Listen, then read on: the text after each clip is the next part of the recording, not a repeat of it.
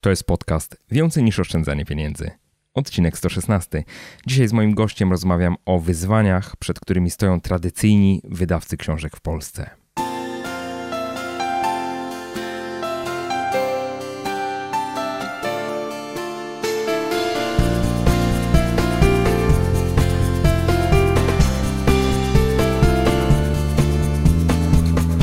Cześć i dzień dobry. Witam Cię w 116 odcinku podcastu Więcej niż oszczędzanie pieniędzy. Ja nazywam się Michał Szafrański i w tej audycji przedstawiam konkretne i sprawdzone sposoby pomnażania oszczędności. Opowiadam, jak rozsądnie wydawać pieniądze i jak odważnie realizować swoje pasje i marzenia. Jeśli tylko szukasz odrobiny stabilizacji finansowej i emocjonalnej w swoim życiu, to ten podcast jest dla Ciebie.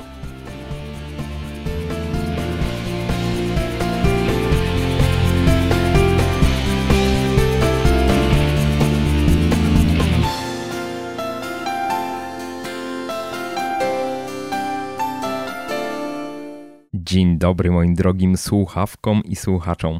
W tym odcinku będę kontynuował temat wydawania książek, ale tym razem zaprosiłem osobę, która jest z drugiej strony rynku wydawniczego. Anna Zdrojewska-Żywiecka od 8 lat prowadzi swoje własne wydawnictwo i w tej chwili wydaje kilkadziesiąt książek rocznie. Ma bardzo obszerną wiedzę na temat tego, jak funkcjonuje rynek wydawniczy w Polsce i dzięki temu myślę, że ta rozmowa będzie stanowiła doskonałą wręcz przeciwwagę dla poprzedniego odcinka podcastu 115, w którym występował Radek Kotarski, z którym rozmawiałem o self-publishingu. I myślę, że też pokaże Wam ta rozmowa bardzo dobrze kulisy pracy takiego tradycyjnego wydawcy. Ania między innymi będzie odpowiadała na takie pytania. Czy prowadzenie własnego wydawnictwa to jest naprawdę taki trudny biznes? Jak wydawca pozyskuje nowe tytuły? Jak w tej chwili wygląda rynek dużych dystrybutorów i czy to naprawdę jest tak, że to oni dyktują warunki na rynku. Ile procent z ceny okładkowej książki może zarobić autor, który współpracuje z tradycyjnym wydawnictwem? I czy jest też szansa na to, żeby w tym tradycyjnym modelu wydawania kiedyś zarabiał więcej pieniędzy? Zapytałem też Ani, jak ona sama zapatruje się na self-publishing, czy to jest dla tradycyjnych wydawców po prostu fajna konkurencja, coś niezauważalnego, czy może duże zagrożenie. I też podpytałem o to, w jaki sposób debiutant, czyli ktoś, kto chciałby wydać swoją książkę, może współpracować z takim tradycyjnym wydawcą, jak przebiegają takie rozmowy, jak od kuchni wygląda proces takiej współpracy. I zanim jeszcze zaczniemy, to chcę się Wam przyznać, że tak naprawdę niewiele brakowało do tego, żeby to właśnie wydawnictwo Ani wydało książkę Finansowy Ninja. Ja rozmawiałem z kilkoma wydawcami. Ania była w zasadzie ostatnim, który pozostał na polu boju, że tak powiem. E, oczywiście zdecydowałem się ostatecznie książkę wydawać samodzielnie, ale spośród wszystkich wydawców Ania prezentowała najbardziej elastyczne, najbardziej otwarte podejście i do końca zachęcała mnie do współpracy. E, I też jako pierwsza pogratulowała mi świetnego wyniku, wtedy kiedy upubliczniałem te moje dane sprzedażowe. Także mam do niej olbrzymi szacunek, bo wytrwałość, z jaką próbowała mnie zwerbować, była naprawdę niesamowita. I też cieszę się, że w końcu mieliśmy okazję porozmawiać. Od razu też zdradzę, że warto wytrwać do końca naszej rozmowy, bo tam będziemy ujawniać jedną z niespodzianek wydawniczych. Coś, co planujemy na tegoroczne targi książki w Warszawie. Zapraszam serdecznie do wysłuchania naszej rozmowy. Cześć Aniu. Cześć Michale. Zanim zaczniemy, to przedstaw się proszę słuchaczom, powiedz kim jesteś i co robisz. Jestem tu trochę w roli adwokata diabła, e, ponieważ prowadzę wydawnictwo, tradycyjne wydawnictwo. Mhm. E, w tej chwili e, jest to grupa wydawnicza Relacja. Mamy tam dwa imprinty. Imprint Mamanie, w, którym, w której wydajemy książki dla rodziców i dla dzieci. Od, od już w tej chwili ponad 8 lat. Mhm. E, Czyli o, 2010 rok, tak, start wydawnictwa? Tak, w 2010. E, I imprint Relacje, w którym wydajemy głównie non-fiction, ale też i inne tytuły. E, tam są chyba książki TEDowe, rozwojowe, tak? W tym, w tym drugim imprincie? Tak, tak. W relacji taką wielką naszą dumą jest to, że jesteśmy polskim partnerem TED Books. Elegancko, elegancko. No dobra, to tak, żeby dobrze rozpocząć, to powiedz mi, skąd w ogóle ten pomysł, żeby otworzyć własne wydawnictwo? Do założenia wydawnictwa zainspirowała mnie książka Baby Led Winning, która okazała się w 2008 roku w Wielkiej, w Wielkiej Brytanii e, i ja w 2008 roku urodziłam córkę. Ale jeśli mamy się cofnąć e, do początków, to rzeczywiście tak było, że e, bardzo denerwowałam się tym, jak moja córka je, że jest taka mała. I wtedy właśnie odkryłam metodę Baby Led Winning, w której dzieci jedzą samodzielnie od samego początku. I z zaskoczeniem odkryłam też, że ta książka, która takim przebojem e, okazała się w Wielkiej Brytanii, nie jest w Polsce wydana. Mhm. E, I od słowa do słowa po dwóch latach e, stałam się jej polskim wydawcą. To oczywiście jest taka pewna uproszczona wersja, wersja zdarzeń i mam nadzieję, że rozwiniemy ten temat. Oj, rozwiniemy zdecydowanie. Tak. E, bo myślę, kiedy tak się zastanawiam nad, nad sobą jako wydawcą, to myślę, że wydawcą tak naprawdę stałam się e, dużo później, mhm. ponieważ na samym początku to e, był pomysł na wydanie jednej książki, mhm. E, natomiast e, odnalezienie takiej pasji wydawniczej, e, pasji do wydawania wielu książek, współpracy z autorami, to się pojawiło później. W czasie, w czasie. Tak. Okej, okay. to zapytam też, od kiedy ty jesteś taką osobą, która przeszła z, od firmy jednoosobowej do firmy, która zatrudnia pracowników, rzeczywiście większego wydawnictwa? To się wydarzyło w ciągu półtora roku. Mhm. Najpierw pojawiła się jedna pracowniczka, potem dwie. W tej chwili y, w wydawnictwie oprócz mnie jest jeszcze sześć osób. Okej, okay, okej. Okay. No to dobra, to taki skok w czasie. Wiemy, jak wyglądał początek, a jak wydawnictwo wygląda dzisiaj? Czyli żebyśmy skalę Twojej działalności słuchaczom naświetlili, czyli ile książek już wydaliście, e, ile wydajecie rocznie w tej chwili, e, jaki to jest, e, jaka to jest wielkość przychodów całego wydawnictwa? W tej chwili, e, jak przygotowywałam się do tego naszego spotkania, e, to przejrzałam sobie bazę e, zgłoszonych numerów ISBN mhm. w, w, Bibliotece Narodowej. To jest nieco ponad 200, 200, bodajże 220 numerów ISBN, które nadaliśmy książkom. W pierwszych latach wydawnictwa wydawałam po. No, w pierwszym roku wydałam chyba cztery książki, potem potem przez kolejne e, lata 10, e, 12, mhm. E, a od dwóch lat wydajemy po około 50 tytułów rocznie, więc to znacznie przy, przyspieszyło. I jedna książka tygodniowo w zasadzie średnio. Można tak powiedzieć, tak. Niesamowite. Tak, tak, tak. Niesamowite. Jak to się przekłada na liczbę sprzedanych egzemplarzy książek na przykład albo na, no, na przychody? Myślę, najprostsza metryka. E, jeśli chodzi o przychody, to, to nasze wydawnictwo jest wydawnictwem z pierwszej setki, mhm. no, ale to też jest e, kwestia tego, że, e, że po prostu rynek książki jest małym rynkiem. Mhm. Mieścimy się w, w, w puli średnich wydawnictw, mamy przychody powyżej 3 milionów. Okej. Okay. No to też ciekawe, że to w, sumie, w sumie to ja też jestem średnim wydawcą w tej tak chwili. Tak można nie? powiedzieć. Aczkolwiek ty te 3 miliony zdaje się zbierałeś przez dwa lata. Eee, z książki. 3 miliony, no to już jest prawie 5 milionów przychodów w tej chwili, nie? Przez e, Imponujący dwa, wynik. Kurczę, przez półtora roku. Przez super, półtora roku. super, gratuluję. No, dwa miliony były w, przez pierwsze pół roku, tak? Świetnie. No i tam 2,700 chyba w tej chwili, 2,800 w kolejnym roku, więc tak to wygląda. No to gdybyś należał do Polskiej Izby Książki, do której ja również nie należę, e, to znajdowałbyś się właśnie w, w dolnej kurii środkowego przedziału. Jak te przedziały wydawców. wyglądają? To znaczy, jak się dzisiaj definiuje dużego wydawcę, średniego wydawcę, małego wydawcę? To zależy od metodologii, ale można powiedzieć, że powyżej 50 milionów to jest duży wydawca. Powyżej 50, no to jeszcze trochę mi brakuje, tobie też. Nie? Mi też, zdecydowanie. no dobra, to powiedziałeś o tych 50 tytułach rocznie w tej chwili, więc od razu mi się ciśnie pytanie, w jaki sposób ty dzisiaj pozyskujesz te tytuły? Ile z nich to są książki, które są mm, wydawane na licencji, czyli książki autorów zagranicznych, a ile to są książki pisane przez e, Polaków? Około 30% autorów mhm. to są autorzy polscy, mhm. przy czym, ponieważ my wydajemy dużo książek e, dla dzieci, które, które są, tytuła, e, są tytułami w dłuższych seriach, to jeśli chodzi o udział polskich autorów w, egzemplarzowo w sprzedaży, to no on, jest, on, jest, on jest niższy, tytułowy, mhm. może tak. Czyli to też tak jest, że pewnie tych autorów importowanych się po prostu więcej egzemplarzy sprzedaje? Jest taka zasada, czy to raczej nie ma takiej reguły? To jest bardzo różnie, mhm. zależnie od, od, od danego segmentu rynku. Ja bym powiedziała, że Polacy lubią czytać polskich autorów. My mamy dużo takich przykładów sukcesów właśnie polskich autorów. Mhm. Dobra, porozmawiamy o, o tych zagranicznych, bo to mnie strasznie interesuje. W jaki sposób się pozyskuje książkę zagranicznego autora?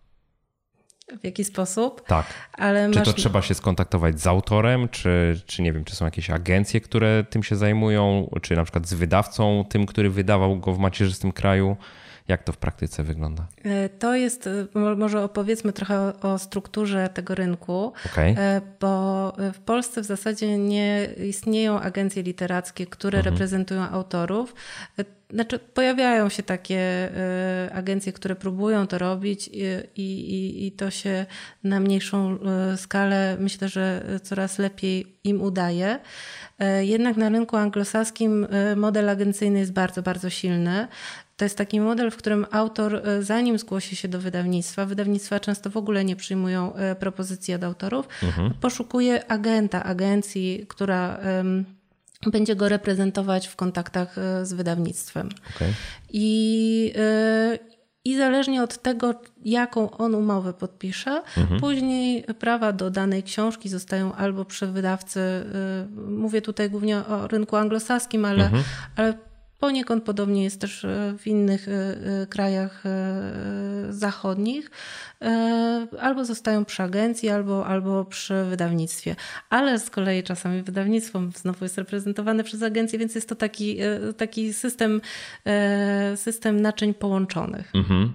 Czyli nie ma takiej jednej reguły, czasami tych praw trzeba po prostu szukać, rozumiem? Tak, tak, tak, tak. Czasami to jest bardzo taka e, długa, e, długi łańcuszek, zanim się dojdzie do właściciela praw, bo e, duże agencje albo duże wydawnictwa mają też agencje współpracujące, które reprezentują na przykład ich interesy na rynku bądź samej Polski, bądź Europy Środkowo-Wschodniej. Mhm. Także jest po drodze jest tak, że jest tak, przy takim najdłuższym, najdłuższym łańcuchu. łańcuchu to jest agencja polska, agencja zagraniczna, e, no i autor albo, albo wydawca, albo wydawca. autor. Mhm. Więc, więc jest, to, jest to dosyć długa droga. Zdarzało Ci się wydawać również książki self-publisherów zagranicznych na polskim rynku, czy nie?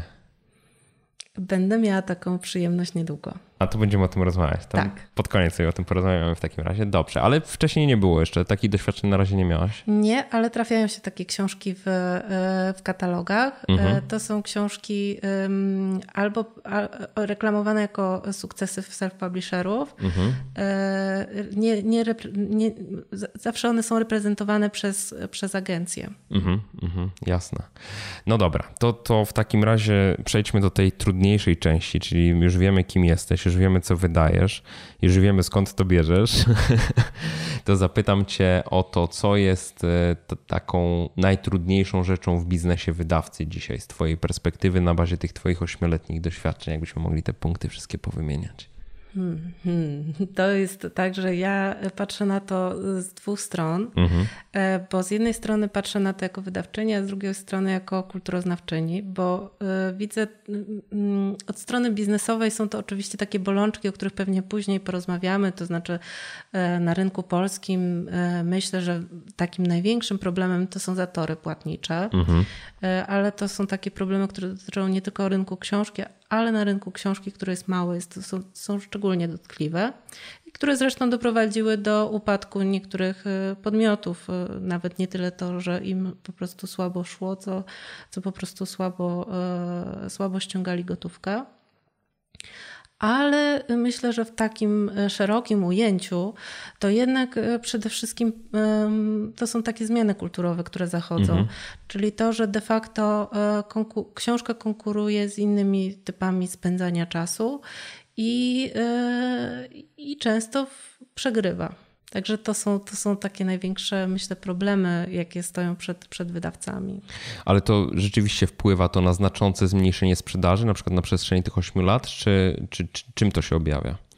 Bo ja się zastanawiam, wiesz, na ile ten problem z, nazwijmy to, spadkiem czytelnictwa, bo generalnie ten problem jest identyfikowany i szeroko omawiany, że rzeczywiście ten problem istnieje, nie?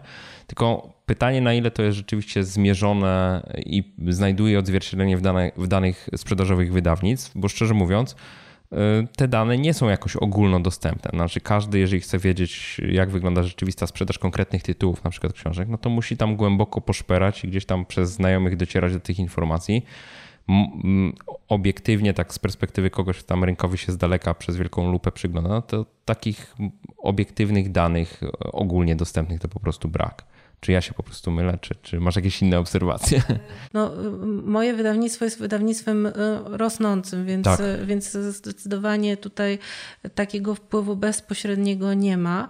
E, są wydawnictwa, które zaliczyły mocne spadki w ostatnich latach. To są takie wydawnictwa, które były zakładane w latach 90., potem niespecjalnie odnalazły się w, w zmianach kulturowych. Nie chciałabym tutaj podawać konkretnych, e, konkretnych e, nazw, bo może jeszcze te wydawnictwa się odbiją, ale, ale też są takie wydawnictwa, które, które sobie świetnie radzą, mhm. przy czym one już nie do końca zarabiają na wydawaniu, co na sprzedaży. Mhm. Więc tutaj jest, y, y, jest to bardzo trudne do oddzielenia z mojej perspektywy, co jest wzrostem mm, czy, czy, czy spadkiem, czy, tak. czy zachowaniem właśnie zachowaniem przychodów w oparciu o, o, o, o stricte pracę wydawniczą, mhm. a co jest związane z tym, że że coraz, coraz częściej mamy do czynienia z czymś takim, co się nazywa koncentracją e, pionową, to znaczy mhm. Y, podmioty pomiędzy różnymi e, etapami produkcji i sprzedaży no, wchodzą w, różne, w różne, różnego rodzaju grupy e, kapitałowe, w różne... Czyli w konsolidują te kilka rodzajów działalności w zasadzie tak, w jednym miejscu. Tak, tak, tak, tak. tak. Albo na przykład mhm. to, to są takie przykłady, jak, jak, jak e, takie, gdzie dystrybutor tworzy wydawnictwo, ale mhm. też i takie, gdzie wydawca staje się właścicielem sieci księgarni. Takie przykłady mamy teraz e, dwa na rynku, gdzie mhm. wydawcy są zaangażowani w budowę dwóch e, sieci księgarskich. Kto to jest? No, jest, jest, jest Bookspan, mhm. jest BookBook. Mhm. No i tutaj mamy e, wydawców takich jak e, Sonia Draga, Pruszyński. Oni inwestują w, różne, w, różne, w te dwa podmioty oddzielnie, mhm. oczywiście. Mm -hmm. I no są beneficjentem, tak, są sprzedaży bezpośredniej w zasadzie w, w, w, tym przypadku. Okej. Okay. Tak, tak. No dobra, no to y, właśnie ja próbuję dojść do tego, na ile to jest mit, ten spadek czytelnictwa, a na ile to jest w pewnym sensie gdzieś tam taki zestaw zaniechań, który pojawił się po stronie tych takich wyda wydawców, którzy mieli ugruntowaną pozycję kiedyś, no i po prostu y, no, drugie zjawisko, o którym się mówi, czyli wyhodowali sobie taką dosyć silną dystrybucję, tak? E, która rzeczywiście w pewnym sensie dzisiaj mm, wydawcom, w szczególności małym wydawcom, z mojej perspektywy, bo nie wiem, czy się ze mną zgodzisz, ale dyktuje warunki współpracy, czyli jakby tu wydawca jest między młotem a kowadłem w pewnym sensie, tak? Z jednej strony musi dbać o to, żeby cały czas wprowadzać na rynek nowe tytuły, e, żeby zdobywać nowych autorów i tak dalej, i tak dalej, i tak dalej i płacić również autorom w taki sposób, żeby oni byli zadowoleni ze swojej pracy, to jedno.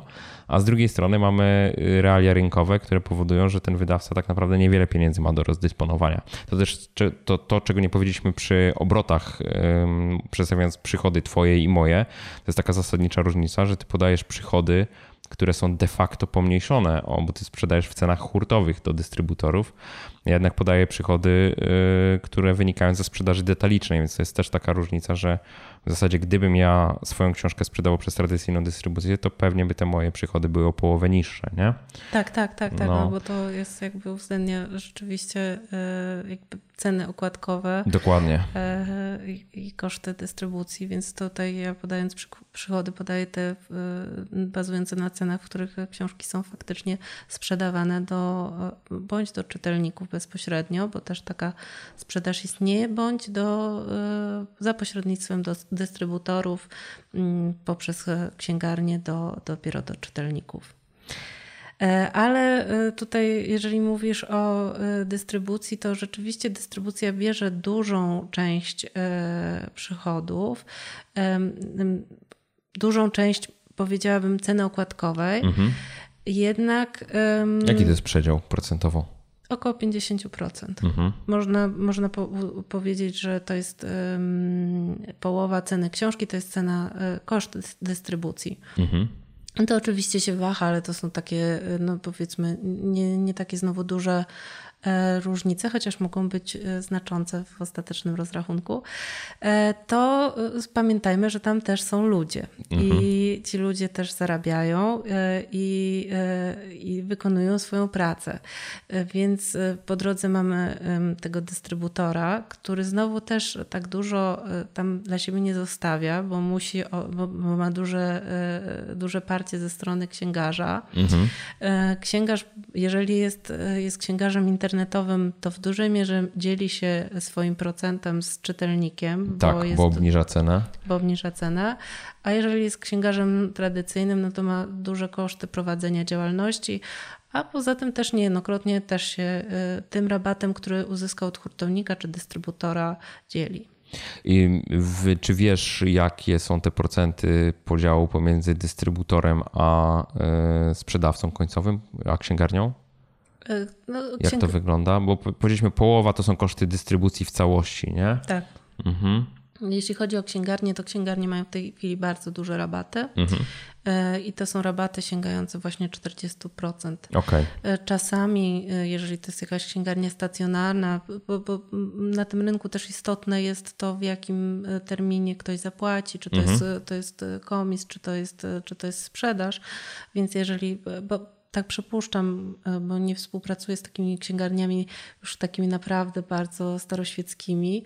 Nawet te księgarnie tradycyjne, z którymi współpracujemy, to są takie nowoczesne księgarnie w, w, w znaczeniu myślenia o, o, książce, ale jestem przekonana, że są też takie księgarnie, gdzie, gdzie jest ten księgarz, który dostaje 30%, mhm. który wiadomo, że słabo zapłaci, ale, ale jeszcze jest, więc, więc się go wspiera.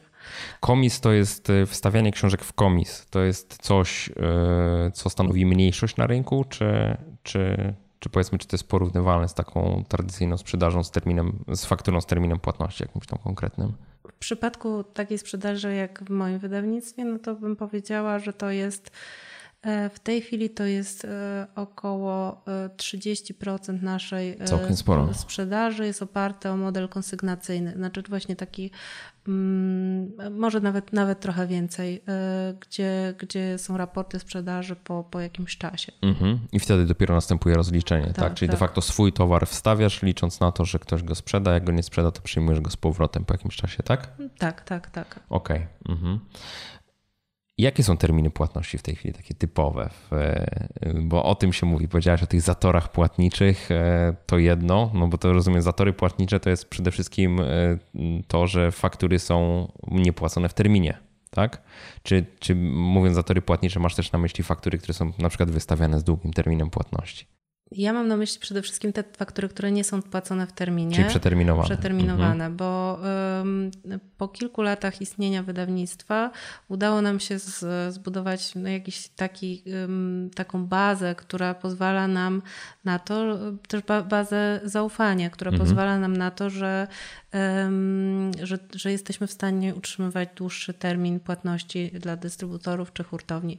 To wynika z tego, że część, część księgarni płaci wcześniej, mhm. E, że część drukarń e, pozwala nam też e, zapłacić w dłuższym terminie, więc, więc to, to by się balansowało, gdyby bilansowało, gdyby nie to, że mm, pomimo tych długich terminów jest niska kultura płatności i, i to jest taki łańcuszek, tak? Jeżeli my nie Ach, dostajemy jo. pieniędzy to, to nie jesteśmy w stanie zapłacić w terminie i tak dalej, i tak dalej. Więc... Zdefiniuj długie terminy. Co to jest długi termin płatności na fakturze? no to jest powyżej 90 dni, mhm. tak? Bo y, y, ustawodawca nakłania nas do tego, żebyśmy te 90 dni e, mm, traktowali jako nieprzekraczalną granicę. Na mhm. rynku książki jest to e, granica, że tak powiem. E, minimalna, tak? Minimalna. Znaczy, Myślę, że, że w przypadku nowego wydawnictwa byłoby to. E, nowe wydawnictwo bardzo by się cieszyło, gdyby, gdyby miało 90-dniowy termin płatności, tak, tak? Tak, tak, tak. My mamy też krótsze, ale, ale, ale rzeczywiście w branży słyszę nawet o 180 dniach. masakra. Znaczy pół roku oczekiwania i jeszcze do tego y, pół roku oczekiwania, y, powiedziałbym, terminowego, a mówisz o tym, że te płatności są przeterminowane również, tak? Mm. No bywają też takie płatności, które nigdy nie zostaną uregulowane. To są płatności od y, takich firm, firm podmiotów, jak... które upadają, powiedzmy. Dokładnie. Tak, a są tak. takie duże, nawet duzi dystrybutorzy w tej chwili, tak, to też, też upadają. Czy sprzedawcy książek. Twoim zdaniem, co musiałoby się stać, żeby to się zmieniło?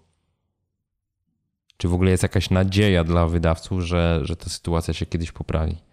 Myślę, że musiałoby się pojawić więcej gotówki mhm. Mm, na rynku, e, bo widać, że podmioty, które dobrze obracają gotówką, takie jak, jak niektóre księgarnie internetowe, czy takie hurtownie, które współpracują dużo z internetem, mhm. gdzie ta gotówka jest e, od razu, płacą terminowo i dosyć e, krótkich terminach. Mhm. Problemem jest sprzedaż w, w, w sieciach i, i, sprzedaż w tak zwanym kanale nowoczesnym, czyli w, w takich miejscach jak, jak Biedronki, e, czy, czy niektórzy wydawcy na przykład sprzedają e, na stacjach benzynowych. Takie mhm. nietypowe miejsca. E, Gdzie jednostkowy pewnie wolumen sprzedaży dosyć mały, a z kolei te koszty dystrybucji towaru być może i nawet czas są większe, tak? No, to sprzedaży jest tam bardzo dobry, ale, ale y, to jest, tam, się, tam się spotyka rynek z książki jeszcze z, z tym, że te sieci w Polsce y, są przyzwyczajone do tego, że dostają bardzo długie terminy okay. płatności. Mhm. I to jest jakby taka patologia już poza rynku, y, rynku książki. Po prostu w Polsce tak jest, że, że się płaci późno i Ty, jeszcze nie to, w terminie. To dosyć czarny obraz się rysuje, Więc, bo to tak. szansa na zmianę tego jednak nie wygląda wygląda tak różowo. No tak. No tak, tak, tak, tak. Aczkolwiek Dobrze. bym powiedziała, że to nie jest, nie jest problem, który dotyczy tylko rynku książki mhm. i że e, prawdopodobnie jest to problem, z którym, sobie, z którym się muszą mierzyć e, wszyscy przedsiębiorcy w mhm. Polsce. Ach jo, no tak rzeczywiście sytuacja wygląda w niektórych e, albo w większości segmentów. Jak ja bardzo cenię swój model wydawniczy, w którym pieniądze otrzymuję z góry, to jest jednak coś pięknego. To może tak trochę bardziej optymistycznie, Aniu. Jakie są plusy albo jakie widzisz plusy tego modelu dystrybucji? No bo jednak sprzedajecie w tym modelu dystrybucji. Oczywiście. No to jest kwestia tego, że to jest model, który jest trudny i to już sobie powiedzieliśmy, kasa jest późno. Mhm. E, jest ryzyko, że się jej w ogóle nie dostanie, jeżeli dany podmiot upadnie ale jednak to jest tak naprawdę taki model dystrybucji, w którym e, książka może trafić naprawdę bardzo szeroko. Wszędzie w zasadzie. Tak, tak. I to też taka książka, która nie sprzeda się od razu. Mhm. E, teraz to troszeczkę się zmienia, ale przez długi czas było tak, że czytelnik podejmował decyzję o tym, jaką książkę e, kupi, dopiero na miejscu w księgarni. Mhm. Więc z perspektywy mojej jako wydawcy, e, to jest bardzo ważne, żeby ta książka czekała tam na czytelnika, kiedy tak. on się będzie zastanawiał. Nawet nie tylko zastanawiał, tylko też właśnie w poprzednim odcinku podcastu z Radkiem też o tym rozmawialiśmy, że w zasadzie taka, taki problem, który jest, to że jeżeli autor jest nawet bardzo aktywny, tak w zakresie promocji książki i tak dalej, i tak no to wiadomo, że osoba, która, y, autor, której, którego książka została wydana w tradycyjnym modelu wydawniczym, y, skutecznie promujący książkę, w zasadzie zachęca do pójścia do księgarni, tak? I jeżeli potencjalny kupujący został zachęcony, jednak idzie i tej książki nie ma, no to do tej sprzedaży nie dochodzi, więc tak jak mówisz, no ta szeroka dostępność jest absolutnie kluczowa. Tu od razu mi się przypomina historia, bo wiem, jak zaczynałaś z dystrybucją, i myślę, że to jest też taka bolączka każdego nowego wydawcy, że w zasadzie on nie wie albo nie dostanie dobrych warunków. To sama powiedziałaś jeżeli chodzi o terminy płatności, on nie dostanie dobrych warunków, jeżeli jest debiutantem na tym rynku um, u dystrybutorów. Więc no, pytanie, jakbyś mogła przedstawić, jak ty zaczynałaś tą swoją współpracę z dystrybutorami, e, jak się taką relację buduje jak się też walczy o jak najlepsze warunki. Jak to, się, jak to było w przypadku Mamani? No, słuchaj, Michał, to była walka. I to też pokazuje, jak, e, jak trudno jest zbudować e, sieć dystrybucji, która działa. E, jednak ja też patrzę z pewną empatią na dystrybutorów mhm. i dzisiaj trochę lepiej to rozumiem, ale wtedy było mi bardzo trudno, bo mm, kiedy miałam jedną, a potem dwie książki, to nie byłam podmiotem, z którym warto jest rozmawiać. Tym bardziej, że jedna z tych książek, która do dziś rozeszła się w kilkunastu tysiącach egzemplarzy i zaraz będziemy robić jej nową edycję i na pewno się też świetnie sprzeda. To jest książka w głębi kontinuum.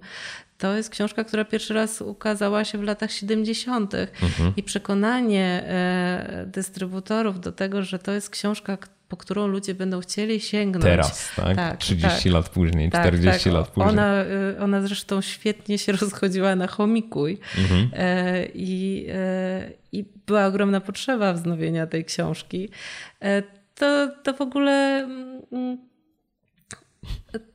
to, to wiesz, teraz, teraz się tak uśmiecham, bo po prostu przypominam sobie, jak oni na mnie wtedy patrzyli, mhm. E, że znaczy oni, no to, to, to, to te osoby, z którymi rozmawiałam, tak, e, to, to, to było aż śmieszne, bo, ale z drugiej strony, wiesz, to ty wiesz, co jest w tej książce, co, co, jaka jest jej co, wartość. Jak, tak, jaka jest ta wartość i, i, i, i z czym idziesz do ludzi. I e, kiedy, kiedy mają zaufać na przykład, czy, czy wstawić na, na tę półkę, a miejsce jest jednak ograniczone, książka sprawdzonego autora albo ze sprawdzonego e, wydawnictwa, a książkę, która ukazała się pierwszy raz w latach 70. i jakaś obca baba mówi ci, że ona się sprzeda, no to wiesz, e, też myślę, że pewne decyzje podejmuje się racjonalnie. Mhm. No i co tu dużo mówić, przebicie się e, z pierwszymi książkami nie było łatwe do dystrybutorów. Mhm. Wstawiłam je, e, to jest taki, taki dystrybutor do dziś istniejący, Motyle Książkowe, który współpracuje właśnie z takimi wydawnictwami małymi. Małymi. I pierwsze raporty sprzedaży od tego dystrybutora no po prostu były bardzo, bardzo niskie. Mhm. A ja już w tamtym czasie sprzedawałam tej książki bardzo bardzo dużo, tak? I, i, oczywiście no, no nie jest 55 tysięcy jak finansowego ninja, ale, ale, e, ale to były, były, były pierwszy nakład roz, rozszedł się bodajże w pół roku, około 3 tysięcy, ponieważ po prostu skierowałam swoje kroki do sprzedaży internetowej z jednej mhm. strony, gdzie, gdzie książkę odnajdowali sami e, czytelnicy, a po drugie też zwróciłam się do e, klubów mam i e, do takich miejsc, gdzie, gdzie byli liderzy opinii mhm. i, i, i oni w te książki uwierzyli. Oni tak jak ja wiedzieli, że jest taka potrzeba. Mhm. I w ten sposób się rozchodziły nasze pierwsze książki. E, powiedziałaś, e, że uderzyłaś e, do kanału internetowego. To znaczy, rozmawiałaś bezpośrednio z jakimiś księgarniami internetowymi, czy, czy w jakiś inny sposób? Od razu otworzyłam swój sklep internetowy. Okej, okay, czyli sprzedawałaś po prostu u siebie, sprzedaż tak, bezpośrednia. Tak, tak, Super. Tak. No i jeśli chodzi o internet, to książki też sprzedawały się E, za pośrednictwem e, księgarni internetowych, ale właśnie poprzez tego małego dystrybutora, a mhm. potem również tę sprzedaż zauważyły inne podmioty, mhm. bo jak już książki zaczęły dobrze rotować, to, mhm. to, to pojawiły się miejsca sprzedaży, które były zainteresowane, ale faktycznie w pierwszym okresie po prostu kolędowałam po księgarniach, kolędowałam też po sklepach z różnymi rzeczami dla dzieci i w ten sposób te pierwsze książki takie stricte rodzicielskie, w tym książka Bobas lubi wybór, e, która no, książki o BLW rozeszły się do tej pory w Polsce no, grubo ponad 100 tysiącach egzemplarzy, więc, więc e, a takie miały początki. Mhm. E, to, to też jakby to, to, te idee się wtedy przebijały i, i, i one się przebijały w taki sposób od niszy do, do zmainstreamowania tego typu treści. Mhm. Okej, okay, czyli y, na początki bardzo trudne, ale ciekawi mnie, bo powiedziałeś, w pewnym momencie z, dystrybutorzy zauważyli, że książki rotują. To znaczy dystrybutorzy sami wyłapują takie y, pozycje, które się sprzedają, czy tam jednak trzeba pukać jako wydawca cały czas i się przypominać? E, ja pukałam cały czas do, y, do dystrybutorów oczywiście i ciągle słyszałam, że nie. Okay. E, tak, tak, no tak było, tak. E, jeśli chodzi o taki, taki, taki moment przełomowy, to, to wyglądało tak, że ten mały dystrybutor też współpracował e, z dwoma dużymi dystrybutorami i, i e, jeden z tych dystrybutor, dystrybutorów w pewnym momencie powiedział, no to może przejdziemy na bezpośrednią współpracę. Okay. Więc tak to wyglądało. E, potem znalazłam dystrybutora, e, który zaczął wstawiać nasze książki do Empiku, mhm. E, ale ten dystrybutor upadł, więc to też był bardzo trudny moment, bo po około ośmiu miesiącach współpracy to był bardzo taki trudny moment na rynku książki, bo e, zaraz po tym, jak założyłam swoje wydawnictwo, wszedł 5% VAT, który wprowadził bardzo duży chaos. Mhm. E, no ten dystrybutor nie, wy, nie wytrzymał tych, tego, tego zawirowania, bo tam był jeszcze taki okres przejściowy, mhm. więc były zwroty, dostawy, zwroty, dostawy. No i się zawinął. E, wtedy dla mnie to była bardzo duża kasa, bo, bo, e, bo dosyć szybko trafił mi się tytuł, który, e, który miał duży potencjał bestsellera. Mieliśmy kilka tytułów właśnie z segmentu rodzicielskiego na koncie. Książka Bobas lubi wybór już, już, się, już, już się rozchodziła, no ale niestety mieliśmy właśnie tego fatalnego dystrybutora do Empiku, który wziął dużo książki Poradnik dla Zielonych Rodziców, wykazał sprzedaż, ale nigdy nie zapłacił prowadził. Mhm. I, e, no i to było kilkadziesiąt tysięcy na, na, na poziomie właśnie tego początkującego wydawnictwa w plecy, które bardzo e, były dla mnie wtedy bolesne.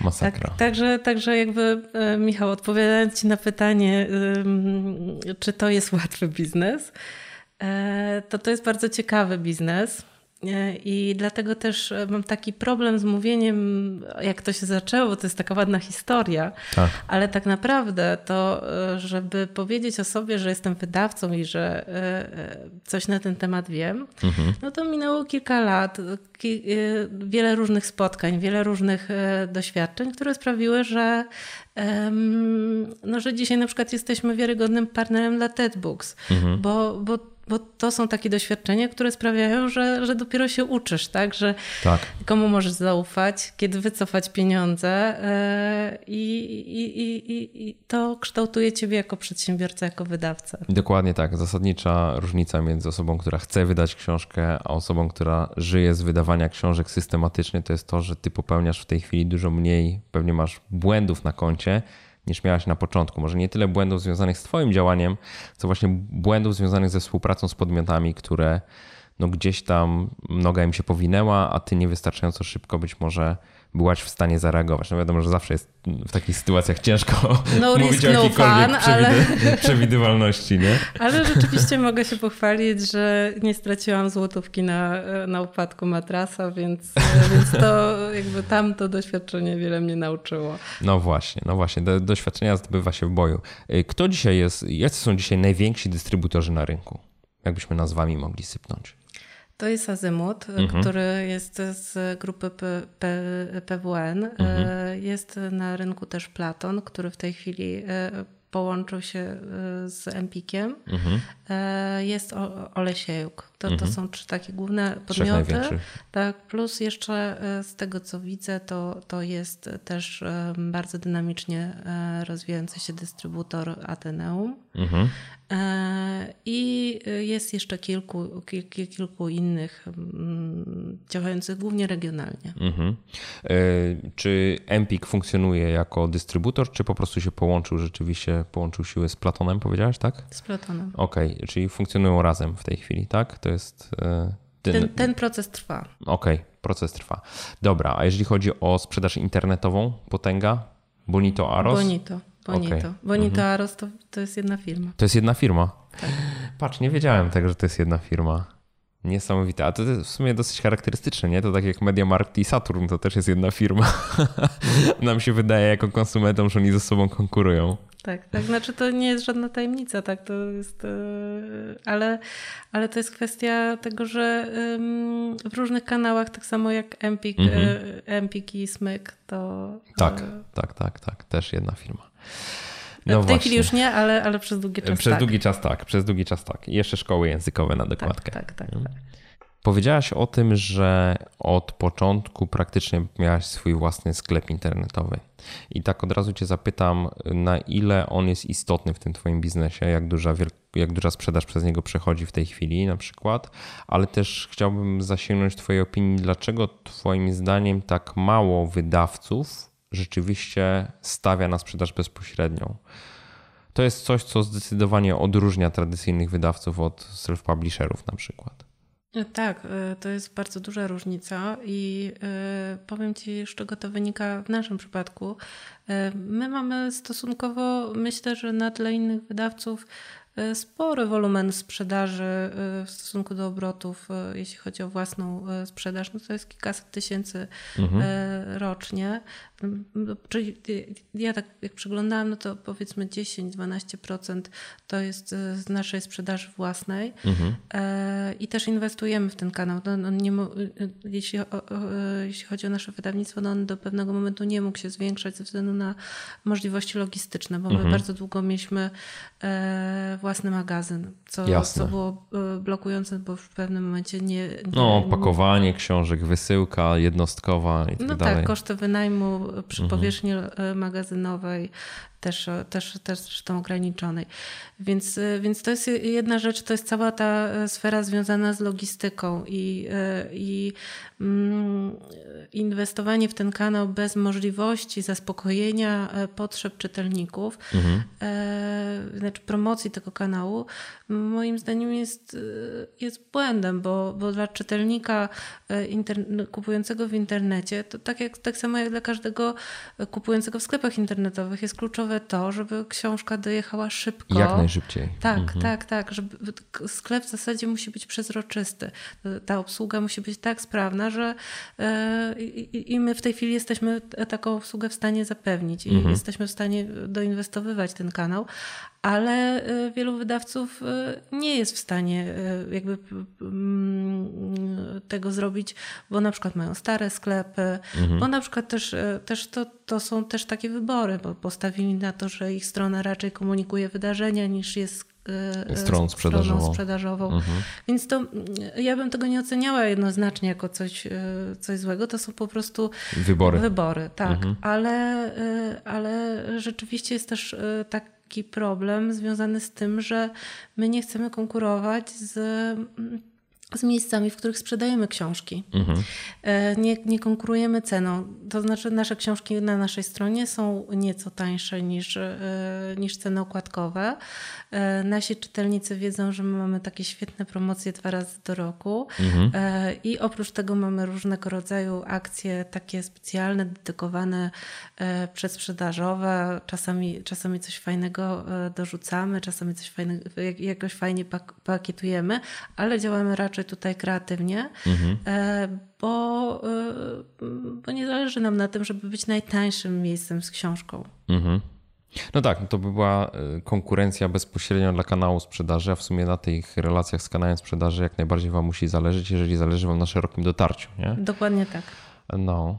Dobra, rozumiem. Przemawia do mnie ta, ta argumentacja. Ja się też zastanawiałem pod tym kątem, że wiesz, bardzo wielu wydawców właśnie narzeka na te długie terminy płatności i tak dalej, i tak dalej, i tak dalej. Ten kanał bezpośredni jednak daje taką no, szansę na to, że te pieniądze po pierwsze są natychmiast, w zasadzie z góry zapłacone, no bo klient płaci przy składaniu zamówienia, chyba że zamawia za, e, za pobraniem, tak? Mhm. E, to z jednej strony, a z drugiej strony myślę, że w przypadku takich wydawców jak ty, gdzie ta sprzedaż osiąga rzeczywiście poziom 10 czy kilkunastu procent, to daje też pewną przewidywalność, nie? czyli jakby w, powiedzmy w wypadku takim, że duży dystrybutor rzeczywiście ma problemy i gdzieś istotnie wam się tam coś obsuwa, jeżeli chodzi o płatność, no to przynajmniej wiecie, że jesteście w stanie jakiś minimalny poziom funkcjonowania wydawnictwa zapewnić przez to, że macie sprzedaż bezpośrednią również. Nie? Tak, no my jesteśmy też mm. w stanie ją jakoś modyfikować wtedy, na przykład właśnie dodać jakąś promocję, ale y, to nie jest tak, że nie inwestują wydawcy, bo tak jak mhm. zaczęliśmy od tego, że właśnie jest ta konsolidacja y, taka, taka pionowa, w której wydawcy właśnie inwestują Coraz w kanał więcej tych sprzedaży. funkcji tak, tak, tak, tak, bierze pod siebie, nie? Tak, tak. Zakładają własne księgarnie też, y, też stacjonarne. To przejdę do drażliwego tematu czyli zarobków autorów. Mówię szczególnie w kontekście zderzając tradycyjnego wydawcę z self-publishingiem. Ile tak realnie jest w stanie zarobić autor sceny okładkowej książki, który wydaje z tradycyjnym wydawcą? E, kilka e, procent, 10% to jest, to jest już taka stawka dla mm, uznanych autorów. Mhm. To jest cena okładkowa brutto, cena okładkowa netto? Cena okładkowa netto. netto. E, mhm. I też mm, my akurat stosujemy taki system, w którym na początku życia książki na rynku, czyli tam do iluś sprzedanych egzemplarzy, to to jest nieco niższy procent, a potem w, w, w miarę sprzed, dalszej sprzedaży on wzrasta. Mhm. Dlaczego akurat tak? Dlatego, że w pierwszym okresie wprowadzania książki na rynek e, najwięcej inwestujemy też w promocję, no a później e, już jakby koszty przypisane do pojedynczego egzemplarza dla nas też e, maleją mhm. i, i jesteśmy w stanie się podzielić większą częścią tego tortu z autorem. Dobra, to teraz pytanie takie zasadnicze, tak jak pytałem wcześniej, co musiałoby się stać? Co musiałoby się stać, żeby wynagrodzenie w tradycyjnych wydawnictwach dla autorów wzrosło na przykład dwu lub trzykrotnie? No myślę, że tacy autorzy to muszą się udać e, do e, Radka Kotarskiego, który był twoim gościem przed tygodniem i obiecuję, że dowiezie takie wyniki. E, Także autorów, którzy oczekują takich zarobków, jakby e, patrząc na cenę detaliczną, tam zapraszam, bo e, w gruncie rzeczy e, mm, to się rozbija w dużej mierze o to, że mm, to nie jest niska stawka, mhm. tylko sprzedaż jest w Polsce dosyć niewielka. I w związku z tym te kwoty, które otrzymują autorzy, nie, nie są duże, ale stawki rynkowe, y, stawki w Polsce nie odbiegają od stawek, na przykład w Wielkiej Brytanii. Czasami są nawet y, wyższe niż na przykład, y, tak jak, jak czytam o, o sytuacji autorów książek dziecięcych we Francji, to w Polsce my płacimy autorom dużo więcej niż, niż, niż francuskie wydawnictwa, tak jak, jak, jak porównywałam. Więc nie jest z mojej perspektywy jako tradycyjnego wydawcy, mhm. E, to jeżeli nadal mamy taki, taki podział, w którym, e, w którym jest, jest tyle ogniw, mhm. to się nie skraca i tak. jest naszym celem szerokie dotarcie. E, uważamy, że, że, że ludzie, którzy sprzedają nasze książki u dystrybutorów, potem tam w, w księgarniach też, też powinni otrzymywać wynagrodzenia, to, to po prostu tyle mniej więcej zostaje, tak? Jasne, jasne. Znaczy nie traktuję tego w, y, absolutnie jako zarzut, tylko też zastanawiam się, ja powiem tak, no kiedyś wydawałem książkę z tradycyjnym wydawcą. Co prawda było to 22 lata temu już w tej chwili. E, dobrze mówię? Tak, dobrze mówię. 1995 rok i pamiętam stawkę, którą miałem jako autor i wynosiła ona 23% i też myślę mm, jakby... Ale ceny sprzedaży czy ceny okładkowej? Ceny, ceny okładkowej książki wtedy. E, owszem, wtedy rynek wyglądał zupełnie inaczej. Prawdopodobnie dystrybutorzy nie mieli też tak mocnej pozycji. Prawdopodobnie książki nie były też tak discountowane, jak są w tej chwili. Tak? Czytaj, przez dłuższy czas ta książka miała po prostu w miarę stałą cenę. Nie? E, no niemniej jednak takie zderzenie, pamiętam jak siadałem do pracy nad finansowym Ninja, takie zderzenie na zasadzie ile rzeczywiście teraz autor może otrzymać za swoją książkę, no to było takie e, dosyć bolesne doświadczenie, nie? No ale to, że tak powiem, rzeczywistość nam się zmieniła. Ale wracając, bo właśnie miałem cię spytać o to, jak te warunki na innych rynkach wyglądają, ale mówisz, że to jest podobnie, tak? Czyli książki, autorzy książek w Wielkiej Brytanii, Francji, Stanach Zjednoczonych też mogą liczyć na te poziomy typu do 10% z ceny książki? Tak, tak, tak. Przy czym chciałabym zwrócić uwagę na to, że w Polsce często nie są w stanie takich, Taki stawek osiągnąć. takich stawek mhm. osiągnąć.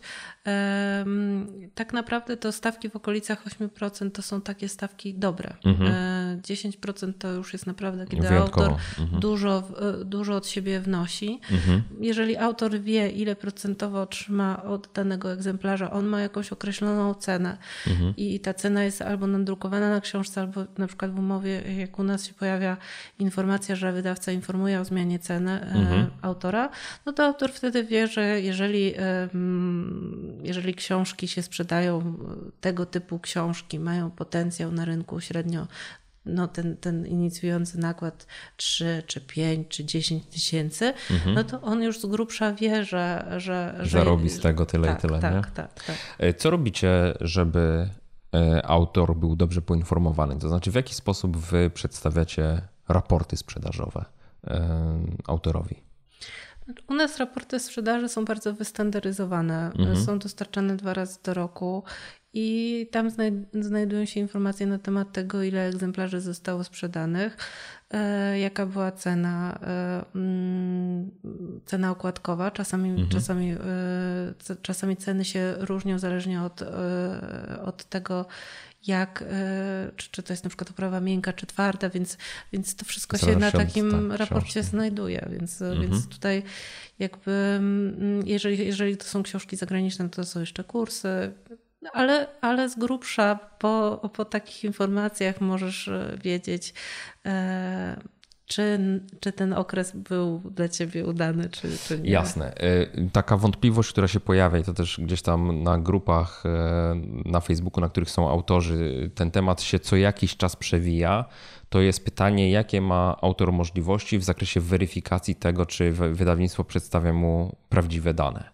E, I czy tu się coś da zrobić, zweryfikować, czy nie bardzo? Czy po prostu wszystko jest na zaufaniu oparte? E, znaczy, myślę, że w dużej mierze to jest oparte na zaufaniu, mhm. tak naprawdę realistycznie patrząc, mhm. bo um, wprawdzie pojawiają się takie zapisy w umowach y, i my takie umowy podpisujemy bez problemu, gdzie właściciel praw, czyli, e, czyli autor, czy, czy tam jakaś agencja, czy no ktoś, kto, kto tego autora reprezentuje w umowie, zastrzega sobie prawo do e, audytu. Mhm.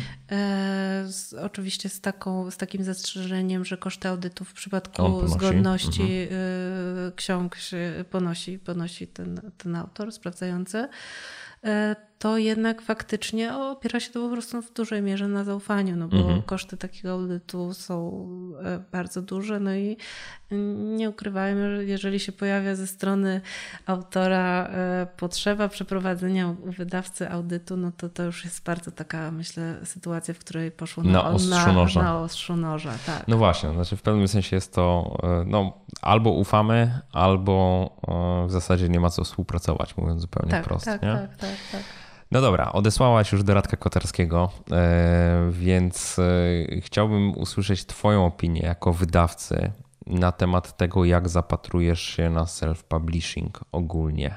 E, widziałaś sukces finansowego Ninja, zresztą byłaś, powiem, byłaś jedną z bardzo nielicznych osób, które z, są wydawcą i pogratulowały tego sukcesu, także to bardzo miło mi było. Ale też tak chciałbym, żebyś oceniła z Twojej perspektywy plusy, minusy, zastanowiła się, co może być dobre dla rynku książki, jeżeli chodzi o książki wydawane w modelu self-publishingowym, a kiedy y, jest to nie do końca dobre. Hmm, dużo pytań, e, więc Możemy może po kolei. spróbujmy to roz, rozbroić e, po kolei. E, więc myślę, że self-publishing jest już takim, jest już takim elementem rynku książki, który się zadomowił w Polsce. Mhm. I Twój sukces pokazuje, że, że można w tym modelu jak najbardziej zarobić. Mm, ja nie mam poczucia e, i też względem konkurentów wydawców nie mam takiego poczucia, że jak u, ciebie rośnie, to u mnie spada. Tak, bo to tak, nie jest to, jednocześnie. Też się z tym bo... zgadzam, że to raczej wszyscy pracujemy na to, żeby ludzie czytali książki, nie? Zdecydowanie tak. No na pewno, e, na pewno inaczej dociera książka, która jest bardzo konkretnie stargetowana i, i informacja o tej książce jest intensywnie przekazywana. Mhm. Inaczej mm, docierają książki na przykład dla dzieci. To, to, to są zupełnie różne rynki. I w modelu self-publishingowym na pewno bierzesz na siebie też e, sprzedaż e, mhm. i e, chociaż są takie, takie modele tak, takie hybrydowe można powiedzieć, jednak moim zdaniem one się nie sprawdzają, jeżeli już masz robić self-publishing i tutaj powiem do kamery, jeżeli masz być self-publisherem, to weź na siebie wszystko, bo tylko wtedy zarobisz. Mhm. Taka jest moja opinia. De facto zarabiasz na sprzedaży, bo mhm. jako za, za, bierzesz po prostu wszystkie części tego towaru. Staje się tym pionowym integratorem, tak, że w zasadzie tak, ma wszystko tak, u siebie. Tak, tak, mhm. dokładnie. Czyli zarabiasz e, prawdopodobnie jako wydawca, wcale nie zarabiasz e, dużo, e, jako, przepraszam, jako autor masz to swoje wynagrodzenie. Ty, Michał, jeszcze do tego wziąłeś, moim zdaniem, jako finansowy ninja, to też jako influencer wziąłeś wynagrodzenie za, za promocję. promocję. Oczywiście, że tak. Wziąłeś wynagrodzenie za, za bycie wydawcą. E, I wziąłeś wynagrodzenie jako sprzedawca, czyli Oczywiście. de facto wziąłeś wynagrodzenia tych wszystkich osób albo tych wszystkich firm, które gdzieś by się po drodze um, pojawiły. Więc, e, mhm. więc ja wiem, że jako autor tutaj się znowu tak dużo nie zmieniło, ale tak. te wszystkie pozostałe e, elementy e, sprawiły, że no tutaj e, masz taki dobry wynik finansowy. A tym, co jeszcze na niego wpłynęło, jest na pewno to, że przekonałeś swoich czytelników do tego, żeby ta cena była u ciebie taka wysoka. Więc, więc myślę, że to się złożyło mhm. tak, tak na, na sukces finansowego ninja, finansowy sukces finansowego ninja. Um, I myślę, że osoby, które mają e, ciekawe pomysły, takie e, docierające do określonej niszy, do określonej branży, e, realizujące się w, modelu self-publishingowym, no to myślę, że mają dużą szansę na, na sukces. Czy coś self-publishing i te przykłady, które się w Polsce pojawiają, czy coś zmienia na tym tradycyjnym rynku wydawniczym? Czy widzisz jakiś wpływ self-publisherów na tradycyjny rynek wydawniczy? Mm. Czy nie? Nie, nie, nie widzę, widzisz. Nie, widzę, nie widzisz. Okej, okay. całkiem fair ocena. E, mi się wydaje, znaczy tak cały czas i trzeźwo myśląc o tym, znaczy za mało tego jest nadal, żeby to mogło mieć jakieś realne przełożenie. Moim zdaniem self-publishing dzisiaj zmienia rzeczywistość, ale tylko tych konkretnych self-publisherów, tak? Czyli, że ktoś się rzeczywiście zdecydował na samodzielne wydanie książki i zarobił sporo pieniędzy. Ja nie mówię takiej kwoty jak ja, bo takich przykładów jest bardzo mało, ale nawet jedną dziesiątą tego, tak? Czyli zarobił powiedzmy, nie wiem, 150-200 tysięcy e, na swojej książce to jego rzeczywistość na pewno to zmienia. W tym sensie, że tak, widzi sens e, być może w kontynuowaniu tego kierunku, nie? Co wcale nie oznacza, że przy kolejnych książkach będzie miał sukces oczywiście, nie? Tak, tak, tak, tak. Chociaż oczywiście można się zastanowić, czy, um, czy ci self, czy, czy wszyscy self-publisherzy dobrze zrobili, że poszli w self-publishing, bo tak, być może tak. mogliby um, osiągnąć większy sukces y, poprawiając swoją książkę, mhm. bo, bo, często to jest ten problem, tak, że książka, że, że, że decyzja o self-publishingu nie jest decyzją pozytywną, tylko jest decyzją negatywną. negatywną w wyniku tak. odrzucenia książki przez tradycyjnego wydawcę. Dokładnie tak. tak. Mhm. No self-publishing jest też z perspektywy wydawcy pewnym takim no, wentylem, bo e, ilość, e, liczba propozycji wydawniczych jest ogromna. Mhm. Jakość tych propozycji wydawniczych jest często bardzo niska. Mhm. I, i myślę, że, że no, dla takich osób, które y, nie są w stanie się rozwijać, y, to, to często właśnie to jest też taki, taki buduje taki stereotyp y, self-publishingu, że tam są rzeczy różne, straszne, które mają wprawdzie ISBN, ale, ale jakość tego jest, jest bardzo niska i myślę, że tutaj mm, no dla nas wydawców no to, to jest taka ulga, że, że ci ludzie poszli self-publishing. self tak. Znaczy też nie, nie oszukujmy się, jest trochę wydawców, którzy z nadziei takich ludzi zrobili sobie pożywkę dla swojego biznesu, w tym sensie, że jest ten model pośredni, nazwijmy, to się chyba Vanity Press nazywa, w którym e, autor przychodzi do wydawnictwa, wydawnictwo mówi ja chętnie ciebie wydam pod warunkiem, że wyłożysz pieniądze na stół i pokryjesz e, w cudzysłowie część kosztów. W praktyce często się okazuje, że taki autor pokrywa w zasadzie całe koszty wykonania konkretnego nakładu. Nie? Tak, albo nawet to są wyjątkowo duże koszty. Tak. E, znaczy, ja, no, znaczy, ja no, mam problem z nazywaniem to... tego w ogóle wydawnictwem, aczkolwiek... No są takie praktyki na rynku. Tak. Nie wiem, jak się na to zapatrujesz. Powiedziałeś, że masz problem z nazwaniem tego wydawnictwem, tak? Tak, tak. tak. No, no niewątpliwie jest to, e, jest to jakaś forma pośrednia. Mhm. E, rzeczywiście, nie, znaczy z jednej strony jest, może to być uczciwy biznes, jeżeli, jeżeli to jest klarownie wyłożone i autor rozumie, e, mhm. na co się godzi. Jednak w mojej opinii, e, i może tutaj się jakoś narażę, ale no jednak to powiem, e, autorzy często nie mają tej świadomości, na co się decydują. Mhm. Są mamieni tym, że książka jest widoczna w wielu różnych miejscach, ale de facto ona jest widoczna tylko w internecie. Obróbka jest na często bardzo niskim poziomie i autorzy są rozczarowani, co rykoszetem trafia e, w taką tradycyjną branżę wydawniczą, bo w ten sposób są postrzegani wydawcy.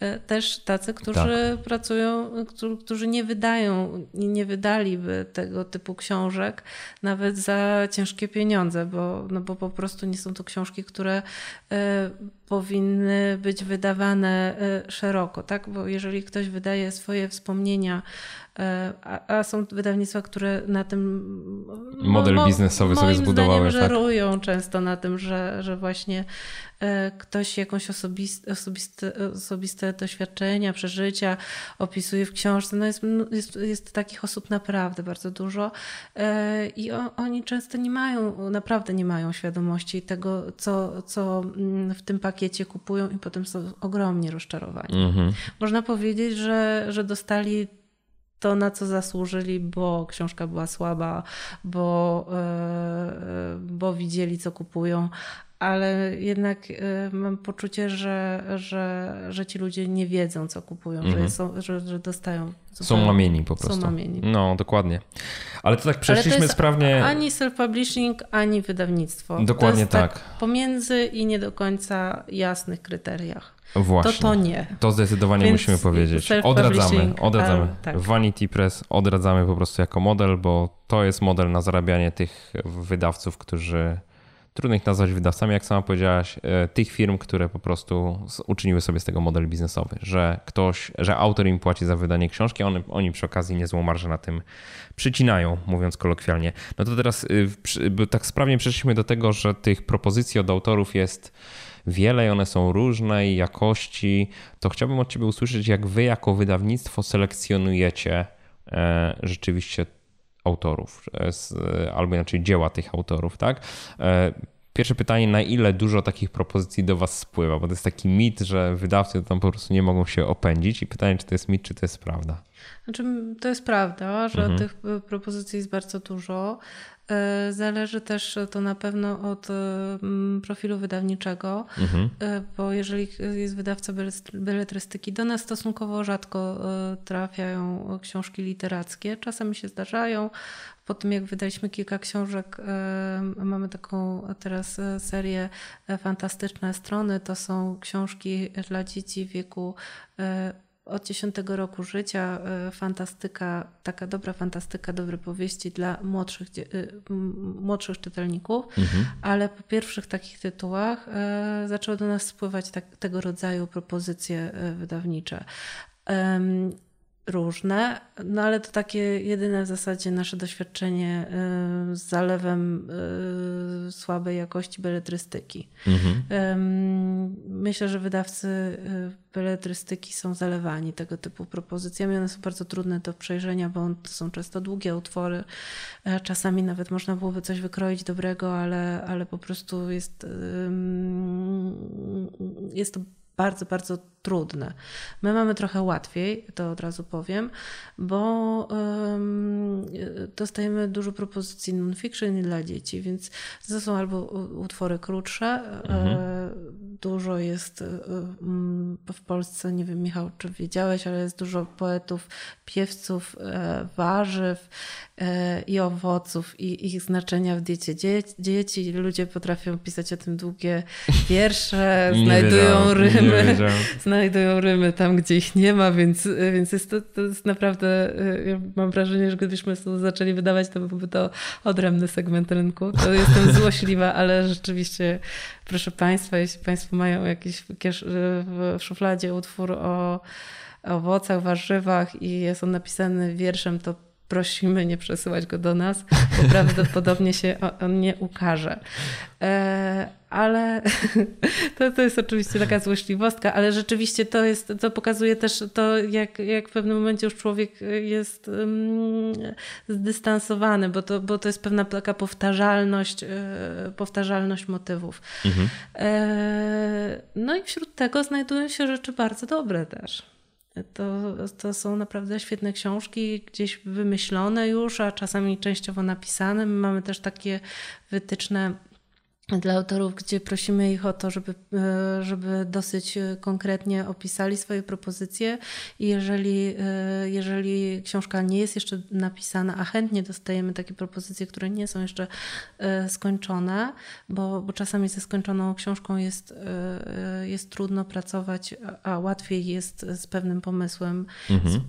A autor ma zaplecze, ma, ma, ma, ma coś do powiedzenia w danym temacie, E, to prosimy na przykład o to, żeby wysłał też e, informacje na temat e, swoich innych publikacji, więc, więc jeżeli autor przygotuje tego typu prezentację dobrze, to, to ona jest rozpatrywana w dosyć sprawny sposób. Mhm. Czy można się w ten sposób przebić? Jak najbardziej. Jeżeli propozycja jest skonstruowana poprawnie i, i ma ręce i nogi, to um, być może nie zostanie wydana, ale zostanie przeczytana na pewno. I oceniona. I oceniona. Dobra, to dwa pytania od razu mi się cisną. Pierwsze krótkie. E, jaki procent polskich autorów, których wydaliście, to byli autorzy, którzy sami się do was zgłosili? No bym powiedziała, że tak pół na pół. Całkiem dużo. Całkiem tak, dużo w takim tak, razie. Tak. Dobrze, to teraz drugie pytanie. Jak wygląda taka dobra propozycja dla wydawcy? Co w niej się powinno znajdować? Żeby ktoś od was był skłonny to przeczytać po prostu? Wiesz, y, to jest takie trudne pytanie, bo czasami coś chwyta za serce, okay. ale, y, ale wcale nie jest to jeszcze na takim etapie, że, y, że jest to super dobrze przygotowane. Mhm. Na pewno z perspektywy. Czyli już wiemy, że chwytające za serce są dobre. Znaczy, że coś tam jest takiego, co, co przekonuje. Wydaje mi się, że tym, co, co przekonuje nas, bo my tak e, pracujemy zespołowo nad propozycjami wydawniczymi. Mhm. One przechodzą jakąś tam wstępną selekcję e, redakcyjną, potem, e, potem ja też przeglądam te propozycje, te, te oczywiście wyselekcjonowane już. No i jak, jak już jest, jest to taki moment, że, że, że, że jest coś ciekawego, no to wtedy rozmawiamy szerzej w zespole, czy, czy co, co inni, którzy będą być może czytelnikami albo mhm. grupą docelową, też o tym sądzą. Więc to jest taki e, wieloetapowy, wieloetapowa dyskusja, w której na różnych etapach ta książka może odpaść. I mhm. niekoniecznie dlatego, że jest, e, że jest słaba, ale tym, co przekonuje, to jest na pewno e, dobry autor. Mhm.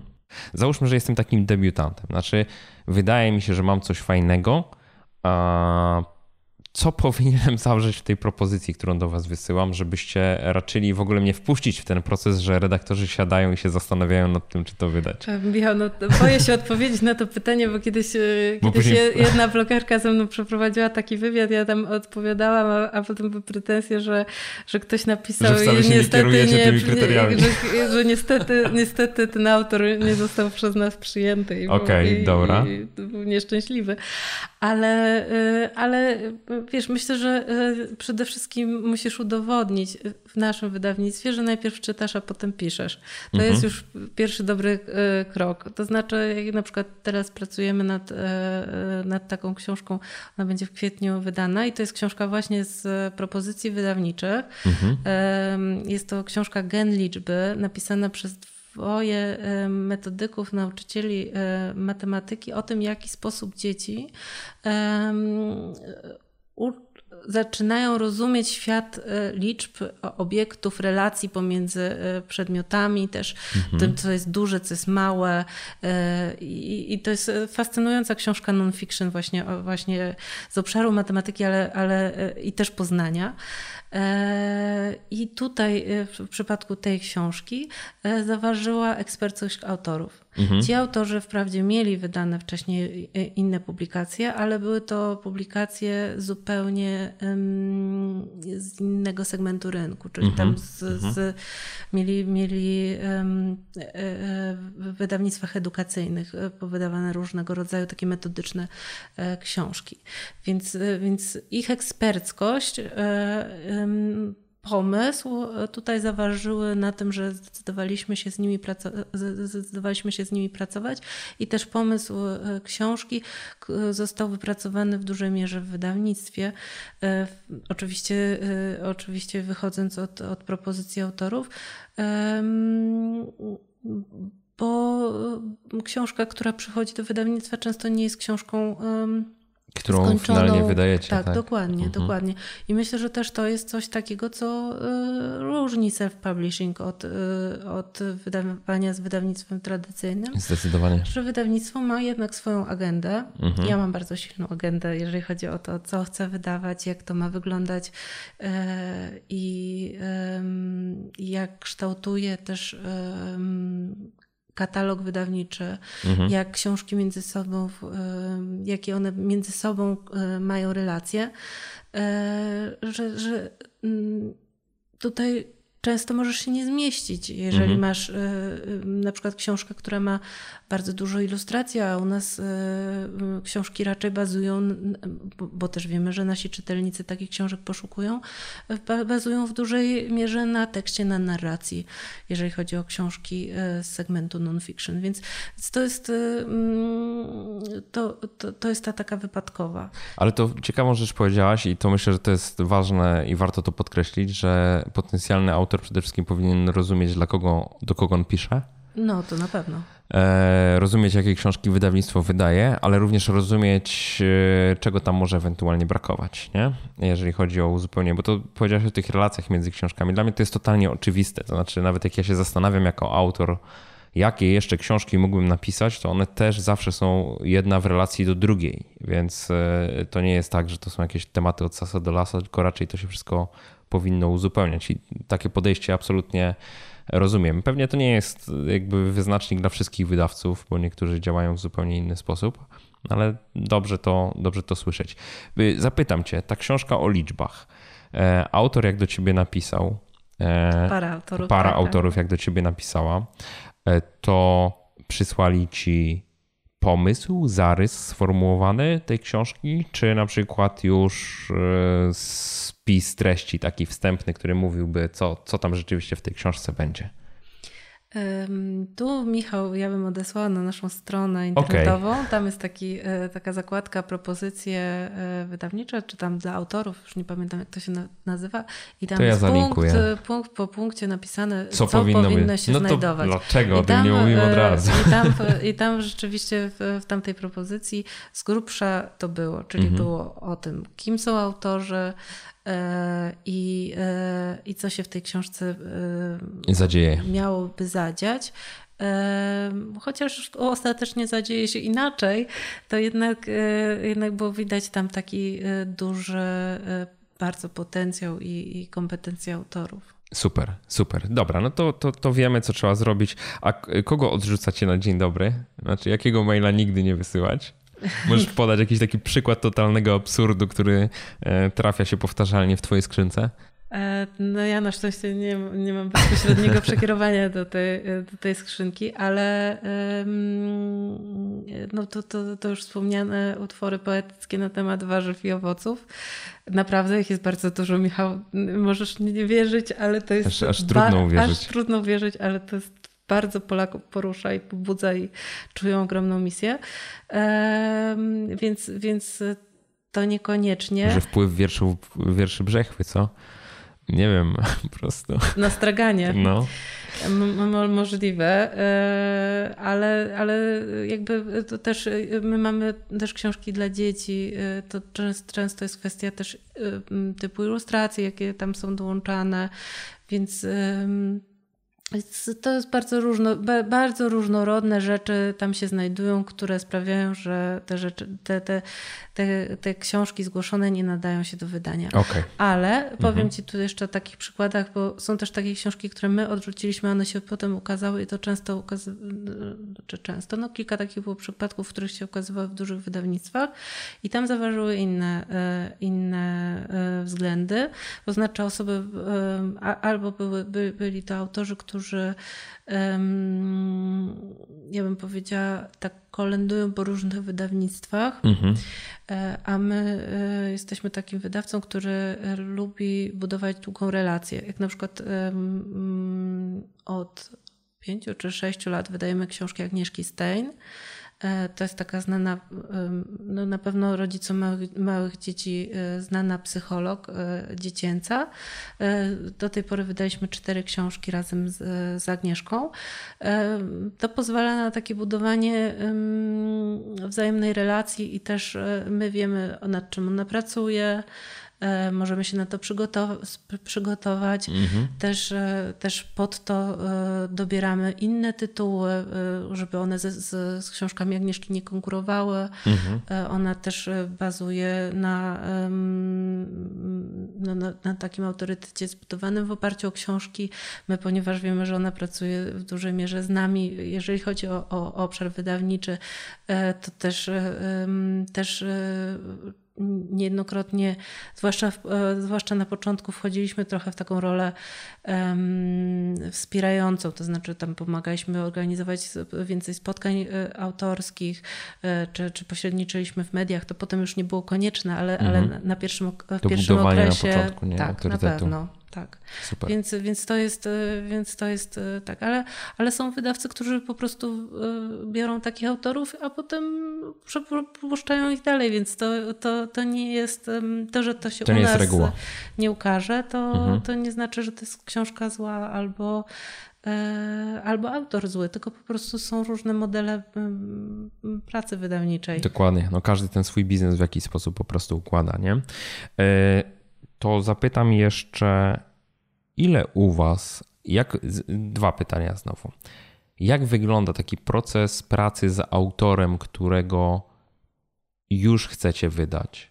E, czyli jak wygląda ten proces pracy nad książką? To jest jedno. E, I od razu zupełnie, ile też zazwyczaj trwa taki cykl pracy nad książką? Mhm. Wiesz, Michał, to wiele tych pytań to jest tro, trochę takich pytań, um, które e, są jak pytania o to, ile kosztuje samochód. Nie wiem.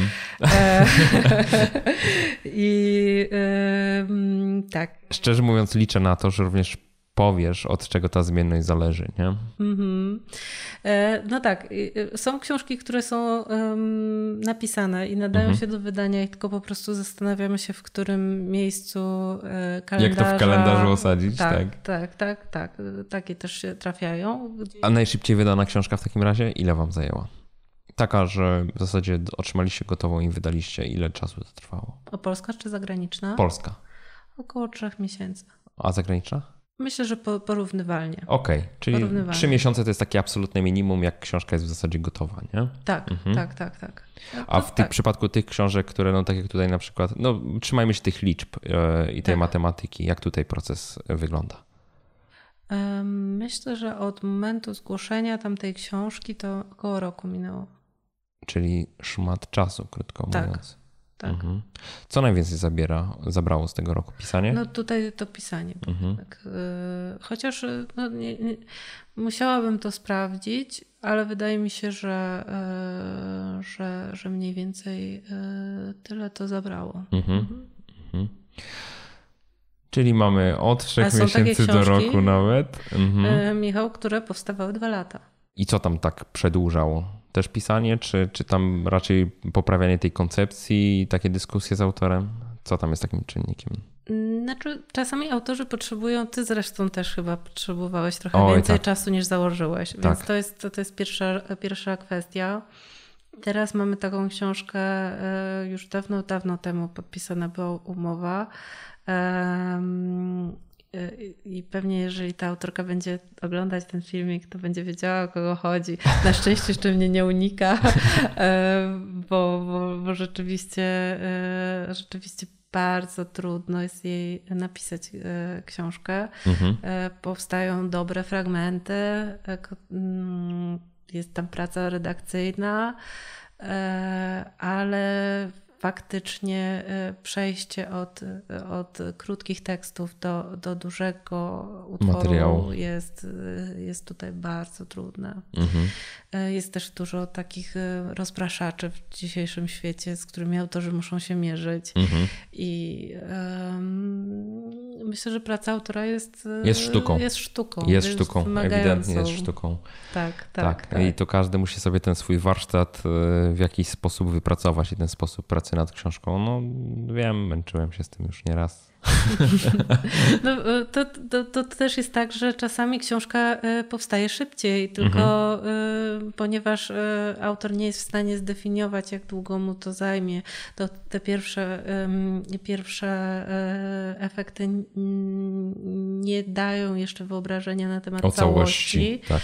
To my nie jesteśmy w stanie jej włożyć w kalendarz mhm. w takim szybkim terminie, ze względu na to, że mm, żeby książka y, wybrzmiała na rynku, no to ona potrzebuje odpowiednio dużo czasu y, wcześniej być zgłoszona y, do, do dystrybutorów, potrzebuje jakiegoś budżetu też na promocję, mhm. więc te wszystkie, pojawiają się takie komety, gdzie, gdzie wydawcy rzucają wszystko i po prostu wydają książkę o jakiejś ostatnio była taka moda o, o takich jakichś takich ciastolinach, czy czymś takim, y, to, to, to, szybko przeminie.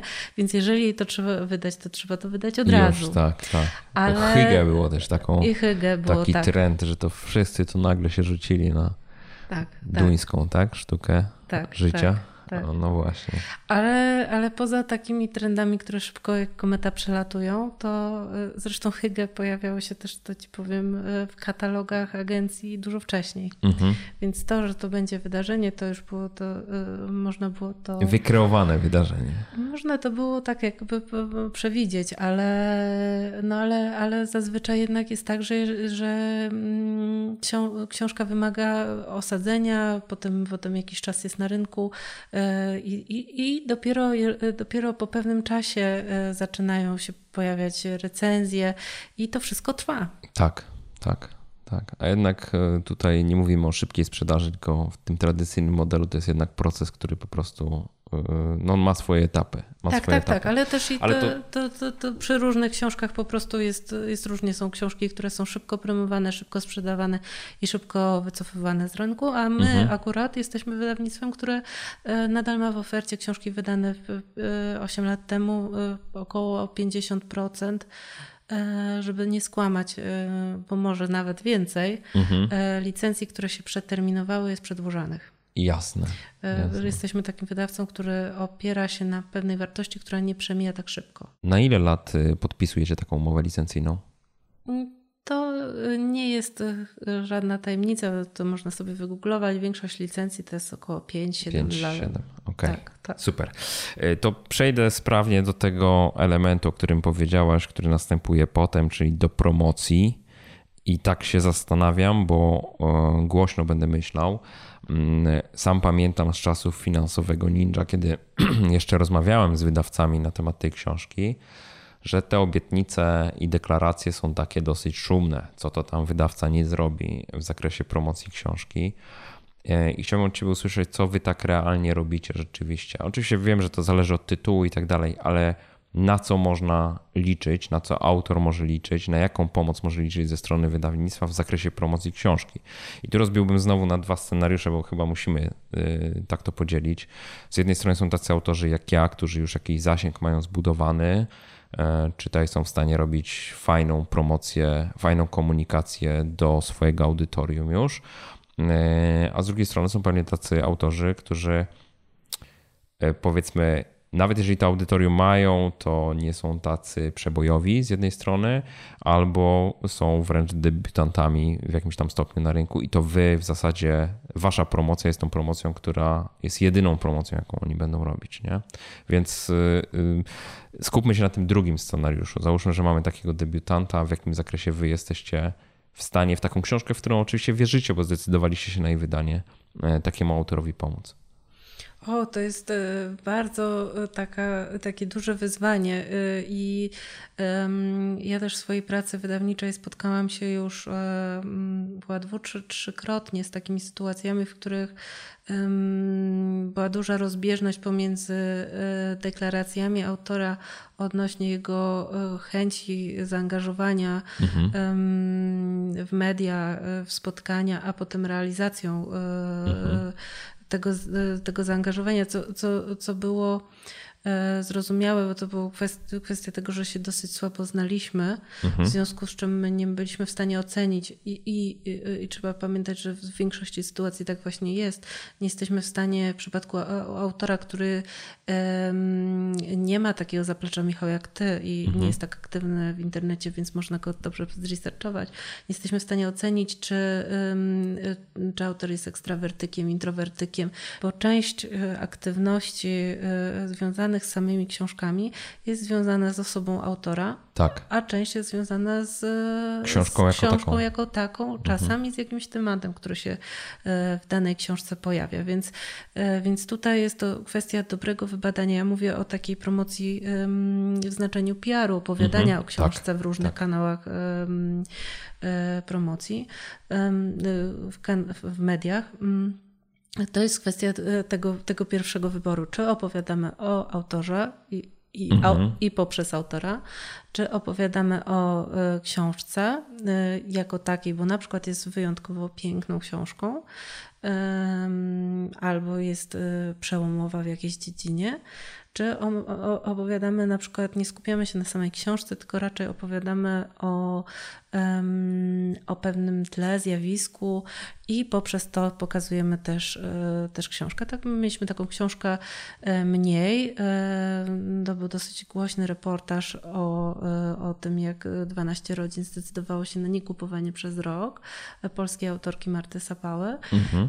I tam oprócz rozmów z autorką, których też było bardzo wiele, pojawiło się też wiele artykułów o oszczędzaniu, o e, minimalizmie, więc, więc jakichś rzeczy kontekstowych. I, I co wydawca może obiecać autorowi, to jest pierwsze zaangażowanie. E, zależnie od tego, jaka to jest książka, jaki on ma potencjał, do, do, dodajemy do tego jeszcze e, różnego rodzaju działania płatne. Mhm. No i tutaj nie, nie, nie czarujmy się, są wydawnictwa, które dysponują większymi budżetami, które dysponują mniejszymi budżetami. E, my jesteśmy zdecydowanie takim wydawnictwem, które dysponuje mniejszym budżetem albo wydaje go oszczędniej. Mhm. E, raczej, e, raczej, ale to też jest związane z tym, że większość naszych książek jest książkami, które sprzedają się przez lata. W związku z tym nie, nie jest dla nas aż tak kluczowe, żeby w pierwszym okresie na przykład książka dla rodziców, którzy jeszcze nawet nie mają dziecka, była najbardziej wypromowana, bo, bo ważniejsza jest ta praca w dłuższym, w dłuższym okresie. Ale jeżeli to jest beletrystyka, no to niewątpliwie e, ten pierwszy okres jest, pierwszy okres mówię o trzech miesiącach do pół roku, mhm. jest kluczowy. I tutaj e, no to, to, są te rzeczy, o które pewnie pytasz, czyli tak. kwestia półki w Empiku, jakieś takie, takie no działania. No tak? No właśnie. Tak. No właśnie, realizujecie takie działania? E, realizujemy takie działania, ale trochę w inny sposób. Opowiedz, To znaczy raczej, raczej e, nie angażujemy się w, w, w takie działania jak wykupywanie, wykup, nie kupujemy półki na etapie e, promocji książki, tym pierwszym, natomiast wspieramy książki właśnie w takich kanałach jak Embik, jak inne, jak inne e, sieci księgarskie, e, przy promocjach tematycznych albo kiedy książka jest, kiedy książka zaczyna dobrze, e, dobrze, dobrze działać. Mhm. Znaczy nie... Dobrze działać znaczy dobrze się sprzedawać. Tak, tak, tak. Albo, albo zaczyna się o niej dużo mówić. Mhm. Powiedz mi, bo wiem, że chyba istnieje taki oficjalny cennik, ile musisz zapłacić za to, żeby twoja książka była na półce w Empiku wyeksponowana w jakimś atrakcyjnym miejscu. Jak to wygląda? To są koszty od kilkunastu do kilkudziesięciu tysięcy, zależnie od tego, jaki to jest okres e, prom promocyjny, mhm. bo e, chociaż wydawałoby się, że książka nie jest e, produktem sezonowym, to jednak jest. Przed świętami no to jakby intuicyjnie czujemy, że to jest taki Ta, gorący główny, okres. gorący okres, ale drugi taki pik to jest na, mm, w okolicach maja, to wtedy też, też jakby to jest taki, taki moment, gdzie, kiedy jest drożej. No i takie momenty jak, jak, jak wakacje, kiedy, kiedy jest taniej, więc to jest też zależne od tego. Oczywiście jest to też, te, te, ceny są też związane z liczbą punktów, bo Empik ma po prostu dużo punktów. Mhm. E, w mniejszych, w mniejszych sieciach też są e, opłaty marketingowe, mhm. E, które są niższe, no ale też i dotarcie jest wtedy niższe. Mhm. Kilkanaście tysięcy złotych płacone to jest jaki okres promocji na przykład? Że tak Dwa, trzy tygodnie. E, z Twojego punktu widzenia, jaki okres promocji jest taki racjonalny? Czy to zależy też od książki? Bardzo zależy od książki. Bardzo zależy, Bardzo zależy od książki. Są książki, które dopiero po pewnym czasie zaczynają rezonować, kiedy odpowiednio e, duża grupa czytelników przeczyta książkę.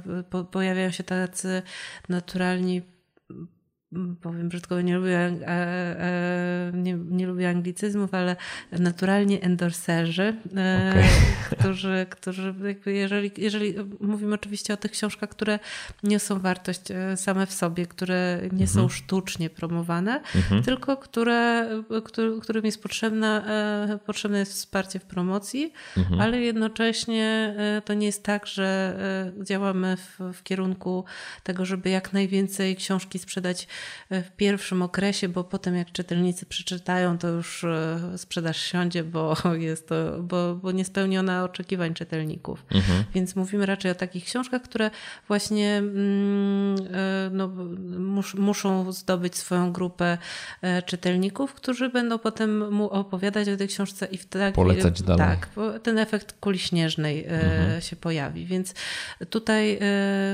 tutaj czasami okazuje się, że lepiej wesprzeć takimi działaniami płatnymi książkę na trochę późniejszym, e, późniejszym etapie i my tak często robimy. Jasne. Czy w jakikolwiek sposób sprawdzacie, czy sieci sprzedaży wywiązują się z tych zobowiązań promocyjnych? Sprawdzamy, ale oczywiście to jest takie sprawdzanie wyrywkowe e, i e, często nie wywiązują się w pełni. E, to samo dotyczy mm, takiej promocji w internecie. Mhm. To, to jest na przykład kwestia ekspozycji banerów, które są rotujące. To też jakby często nie masz pewności, że ten baner jest eksponowany rzeczywiście te, do tylu użytkowników, za ilu zapłaciłeś. Mhm. Więc no, to są trudne tematy. I zwłaszcza, że jakby e, to, kiedy, kiedy, się, kiedy książka się sprzedaje, to my mamy poczucie, że, że, że zadziałała promocja, znaczy się dobrze poszła, dobrze była eksponowana książka. No a kiedy, kiedy się nie sprzedaje, no to wtedy musimy poszukiwać e, Przyczyn. dlaczego. Tak, tak, tak, tak. I to czasami jest związane z tym, że była słabo eksponowana, ale, ale wydaje mi się, że jednak te przyczyny e, fiaska książki są bardziej złożone zazwyczaj. Mhm. Y, zastanawiam się, bo mówiłaś o tych y, dużej liczbie tytułów, które wydajecie w tej chwili, i zastanawiam się, w jaki sposób jesteś w stanie zarządzać promocją tak dużej liczby książek. Czy możesz tutaj zdradzić, czy na przykład e, koncentrujecie się tylko na konkretnych tytułach? Nie wiem, z tych 50 to jest powiedzmy 20 książek, które intensywnie promujecie. E, no jak to wygląda? Czy, czy, czy rzeczywiście każda może liczyć na taką samą atencję waszą? My mamy dużo książek dla dzieci, które są wydawane w seriach. W seriach. Książki mhm. dla rodziców e, też e, są wydawane, no, są w jakiś sposób zorganizowane. Więc jeżeli dołożymy do tego takie tytuły pojedyncze, to tak naprawdę obszarów promocji to nie, to nie jest 50 obszarów promocji, w które mhm. jakoś próbujemy się wyszamotać i odnaleźć. To jest dużo bardziej zorganizowane. Jasne. Wybieramy na, na dany okres y, takie tytuły, nad którymi najwięcej pracujemy. Mhm. I też w różnych obszarach, bo czasami są takie tytuły, z którymi bardzo intensywnie pracujemy promocyjnie, ale niekoniecznie w kanale takim, który jest najbardziej widoczny w, na przykład w internecie czy, y, czy w mediach y, drukowanych. Na przykład tutaj mogę podać przykład takiej promocji, którą dużo inwestowaliśmy w zeszłym roku. Mhm. Jest to promocja serii Magiczny Domek na Drzewie, która e, obchodziła w zeszłym roku 25-lecie e, istnienia w Stanach i, i na świecie. E, I w Polsce w, właśnie w, w kanale w, w, takiej promocji do bibliotek, do szkół bardzo dużo rzeczy się zadziało, bo, bo samych bibliotek wzięło udział ponad 60 i e, to jest naprawdę bardzo dużo podmiotów, bo w każdej, każdej bibliotece szkolnej zaangażowanych było tam czy kilkadziesiąt, czy czasami nawet, nawet e, no, prawie cała szkoła, więc to jest o, o, ogromne dotarcie, inny sposób. Mhm. Ale to jest e, mało widoczne w e, mediach, bo to nie jest aż tak interesujące, że nie dzieci na przykład. Tak. tak, że dzieci, że dzieci coś rysują, czy że dzieci coś tworzą, bo, bo, bo, bo dzieci tak po prostu e, robią, a dla tych konkretnych osób to, to, to, to jest ważne, ważne i duże wydarzenie. Więc, e, więc do te, te ta promocja książki, ona jest bardzo różnorodna i też tak jak e, patrzyłam na finansowego ninja, mhm. no to ty też robiłeś tam co najmniej dwa rodzaje um, promocji. To jeden to był te, było ogrywanie tematu self-publishingu, mhm. no a drugi to jest temat e, po prostu e, Finansów bardzo... osobistych. Finansowo osobisty, ale też i bardzo intensywnie działasz w jednym kanale social media, jeżeli mhm. chodzi o, o reklamę płatną, więc dobiera się te, dobiera się te działania pod konkretne tytuły. No, oczywiście kierując się takim założeniem, żeby to było jak najbardziej efektywne. efektywne tak. Super. To jeszcze mm, zastanawiam się, w którym momencie myśl, zaczynacie myśleć o tych działaniach promocyjnych. E, pytam tak trochę z perspektywy autora, czy już podpisując umowę z wydawnictwem, on wie, jakiego zakresu promocji się spodziewać, czy to raczej ma miejsce gdzieś, jest wypracowywane po prostu gdzieś później? Jest to wypracowywane mniej więcej no, 2-3 miesiące przed premierą, tak konkretyzowane, bo mhm.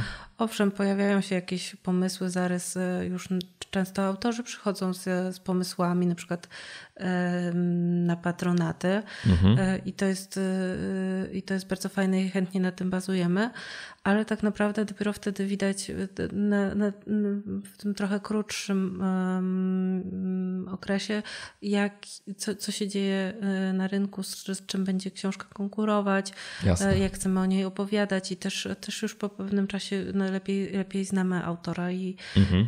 chociaż, chociaż to też jest, to też bardzo dużo zależy, bo no, no teraz e, właśnie nasza autorka Agnieszka Stein e, pracuje nad książką o, o seksualności. E, to jest książka dla, dla rodziców odpowiadająca na takie tematy związane z dojrzewaniem, z tym, jak, jak rozmawiać na te takie trudne, ale bardzo ważne e, tematy w taki normalny, zwyczajny, fajny sposób i też jak sobie radzić, kiedy pojawiają się jakieś, jakieś trudności. E, no to to jest książka, nad którą e, Agnieszka pracuje już od jakiegoś czasu, o której opowiadała w, u nas live, na live na Facebooku jakiś czas temu. Więc to jest taka książka, którą już sobie układamy od pewnego czasu w głowie. Zarówno ja jako wydawca, jak i u nas dziewczyny dziewczyny od promocji, bo, bo wiemy, że to jest książka, na którą czytelnicy czekają i, i e, będziemy chcie, chcie, e, chciały ją pokazywać e, szeroko na jesieni, więc, mhm. więc to, to, to, się, to się już układa w wydawnictwie. A czy w Polsce są jakieś takie wiarygodne listy bestsellerów na przykład? Bo wiem, że w Stanach mamy New York Timesa, a jeżeli chodzi o listę mamy Wall Street Journal i wiem, że to jest taki fetysz autorów, żeby na taką listę ze swoim tytułem się dostać, bo to prawdopodobnie się jakoś tam na sprzedaż przekłada. E, w Polsce chyba poza listami takimi sprzedażowymi tych największych sieci to nie kojarzę, żeby taka wiarygodna lista bestsellerów była, nie? W Polsce oprócz e, tej, tej, tych list, o których wspomniałeś, czyli list no, Empiku na przykład, czy mhm. to one się też zresztą zwróć uwagę bardzo od siebie różnią. Pojawiały się i pojawiają się takie listy czy branżowe, czy w jakichś czasopismach, ale oczywiście to nie, nie, ma jednej kanonicznej listy, która, e, która, e, no, z której może wywnioskować, że tutaj te książki się super sprzedały, a tamte słabo. Zwłaszcza, że to łapie, łapie książki w bardzo takim ograniczonym momencie, mhm. bo e, książka, która jest też bardzo duży rozdziew, e, to, to myślę, że mogę to powiedzieć, jest bardzo duży rozdziew pomiędzy e, początkiem listy, a końcem listy, jeżeli chodzi o sprzedaż. Wielkość sprzedaży, wielkość tak? sprzedaży. To, mhm. to, jest kilka rzędów różnicy, więc, więc, więc też myślę, że nie warto aż tak bardzo się tym sugerować e, i fetyszyzować e, listy bestsellerów. A ty w ogóle te listy są empikowe, to one są opłacane, czy nie? Nie są bezpośrednio opłacane, nie moim zdaniem. No dobra, czyli nie ma jednej takiej listy, która mogłaby być wyznacznikiem. To jeszcze jeden wątek. Wiem, że w tej chwili e, toczy się taka bardzo duża dyskusja między wydawcą a ministerstwem, które Ministerstwem Kultury i Dziedzictwa Narodowego, które proponuje, e, nie wiem czy ono proponuje, ale generalnie pojawił się projekt ustawy e, dotyczący jednolitej ceny książki. No jest to projekt, który wyszedł ze środowiska e, wydawców mhm. i środowiska księgarskiego. Mhm. Mm, tak, tak. Ja to widzę, znaczy, tak jak ja to postrzegam, to miało być takie panaceum na szybką degradację cen w sieci sprzedaży Pewnie to był jeden z celów. No drugi z celów, żeby y, rynek y, wydawców, dystrybutorów, ogólnie rynek księgarski pewnie przez dłuższy czas miał wpływ na to, jak ta cena rzeczywiście wygląda. Czy tutaj mógł prognozować w jakiś sposób swoje zarobki na książkach. I teraz pytanie, e, ja wiem, że środowisko wydawnicze jest podzielone. Mhm. I teraz ciekawy jestem Twojej opinii jako wydawcy na temat tego pomysłu. Z jednej strony celów, po co to zostało zrobione, a z drugiej strony, co, co, co ty myślisz o tym pomyśle? No ja jestem w tej grupie wydawców, którzy są przeciwni. E, nawet też podpisałam taki list e, przeciwko tem, tej propozycji. Mhm. Rozumiem skąd ona, bo też uczestniczyłam. Może najpierw powiedzmy, Aniu, w ogóle na czym ta propozycja polega, jakie jest założenie? No propozycja e, tak zwanej jednolitej ceny książki polega na tym, że książka niezależnie od kanału sprzedaży jest sprzedawana w, w tej samej cenie, w cenie okładkowej, mhm. ewentualnie z, no, zależnie od tego, jaki wariant ustawy by wszedł, ale mówimy tutaj o, o obniżkach rzędu powiedzmy 5%, to, to, są, to są bardzo małe, symboliczne, symboliczne różnice. Mm, przez, e, przez e, e, tu też, też były różne warianty, ale, ale przez czas roku od premiery. premiery tak, tak to, czyli to przez taki... rok od premiery cena byłaby w zasadzie stała. Tak. Tak, mhm. a potem hulaj, dusza piekła nie ma. Mhm. E, więc to jest taka propozycja, która bazuje na rozwiązaniach, które były kiedyś w Wielkiej Brytanii, mhm. a które obowiązują nadal w,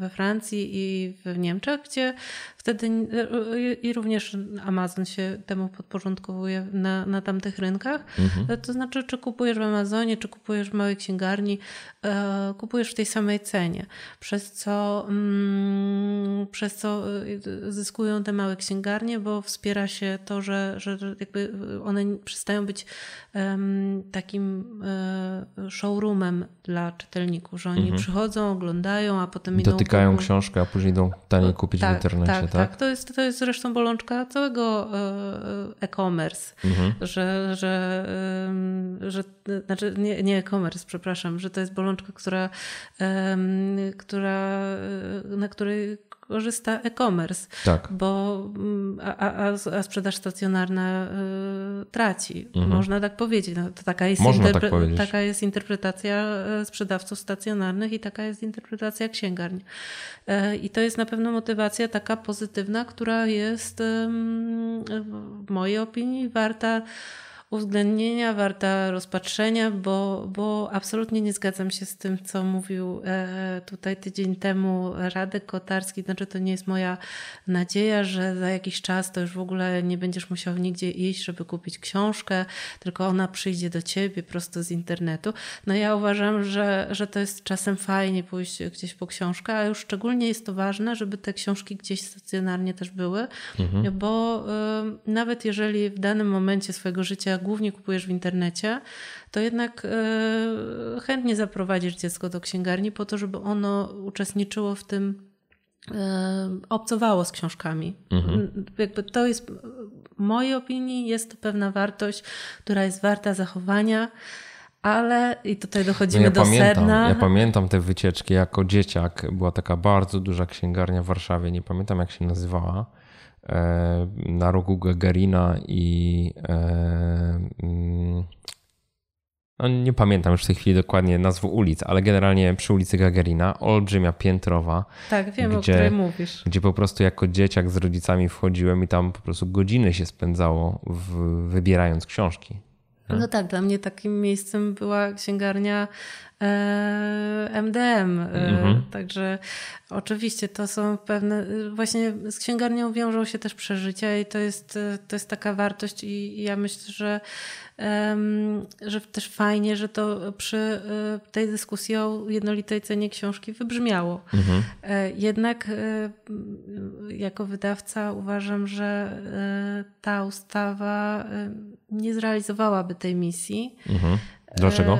Myślę, że ta ustawa jest po prostu spóźniona, bo gdybyśmy rozmawiali o tym e, na początku lat 90., ja wiem, że takie rozmowy się toczyły e, i wtedy, wtedy, wtedy nie została ona wprowadzona. To było przed, przed tym, jak internet się rozpowszechnił, zanim było e-commerce e, to być może ona by działała tak jak we Francji czy mhm. jak w Niemczech, by ochroniła księgarnię, e, też e, mm, e, Amazon wchodząc, bo pewnie Amazon też kiedyś w końcu wejdzie do, do Bezpośrednio Polski. do Polski, tak. Czego się wielu, wielu wydawców, wielu dystrybutorów obawia, to, to, to, to byłaby pewna ochrona tego rynku. Mhm. E, jednak myślę, że jest to zdecydowanie spóźnione e, i to, że czytelnicy kupują w internecie nie jest już w tej chwili motywowane wyłącznie ceną, ale również wygodą. To zresztą pokazuje przykład twojej książki, która tak. była bardzo droga i, i mimo to ją mimo kupują. to kupowali. To, e, to też jeszcze tutaj bym wróciła do tego o czym mówiliśmy na samym początku tej rozmowy, czyli kwestia czytelnictwa i tego, że jest w, słab, w słabej kondycji. Moim zdaniem w tej chwili, e, kiedy mamy taką sytuację, trzeba o czytelnika walczyć każdym możliwym sposobem mhm. E, i to, tym sposobem jest również promocja. I obniżanie ceny książki. Obniżanie ceny książki, ale różnego rodzaju mechanizmy rynkowe. Mhm. E, to znaczy druga książka gratis, pakiecie taniej, e, mhm. w, w, dyskoncie dzisiaj taniej, a jutro drożej.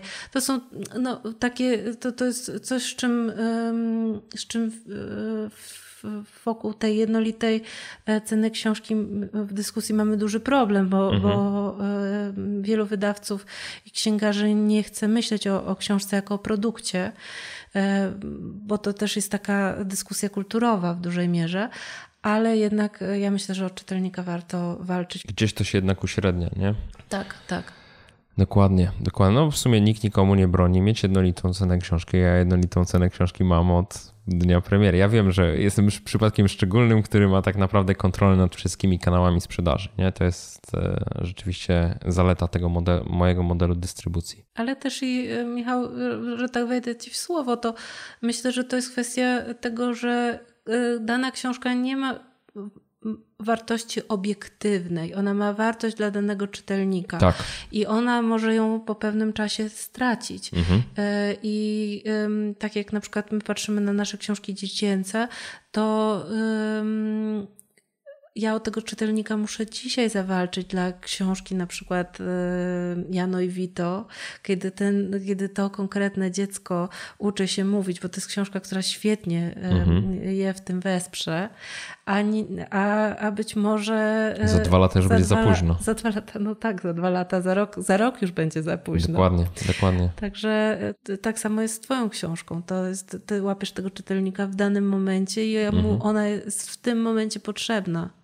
Tak, poniekąd tak, a poniekąd się nie zgodzę w sensie takim, że to można, czy ktoś ma e, lat 25, czy ma 35, to e, jeżeli ma ubytki, znaczy jeżeli ma jakieś braki w wiedzy finansowej, to i, w, I wtedy i teraz mu ta książka pomoże je wypełnić mm -hmm. po prostu. E, zastanawiam się jeszcze nad jedną rzeczą, bo skoro jesteś przeciwniczką jednolitej ceny książki, czytaj jesteś za zwiększaniem tej dostępności książki i tak dalej, to zastanawiam się, w jaki sposób podchodzisz do tego, że rzeczywiście e, ta sama książka dla osób, które gotowe są ją kupić dzisiaj, jest e, istotnie droższa niż w momencie, w którym na przykład wprowadzasz ją do dyskontów.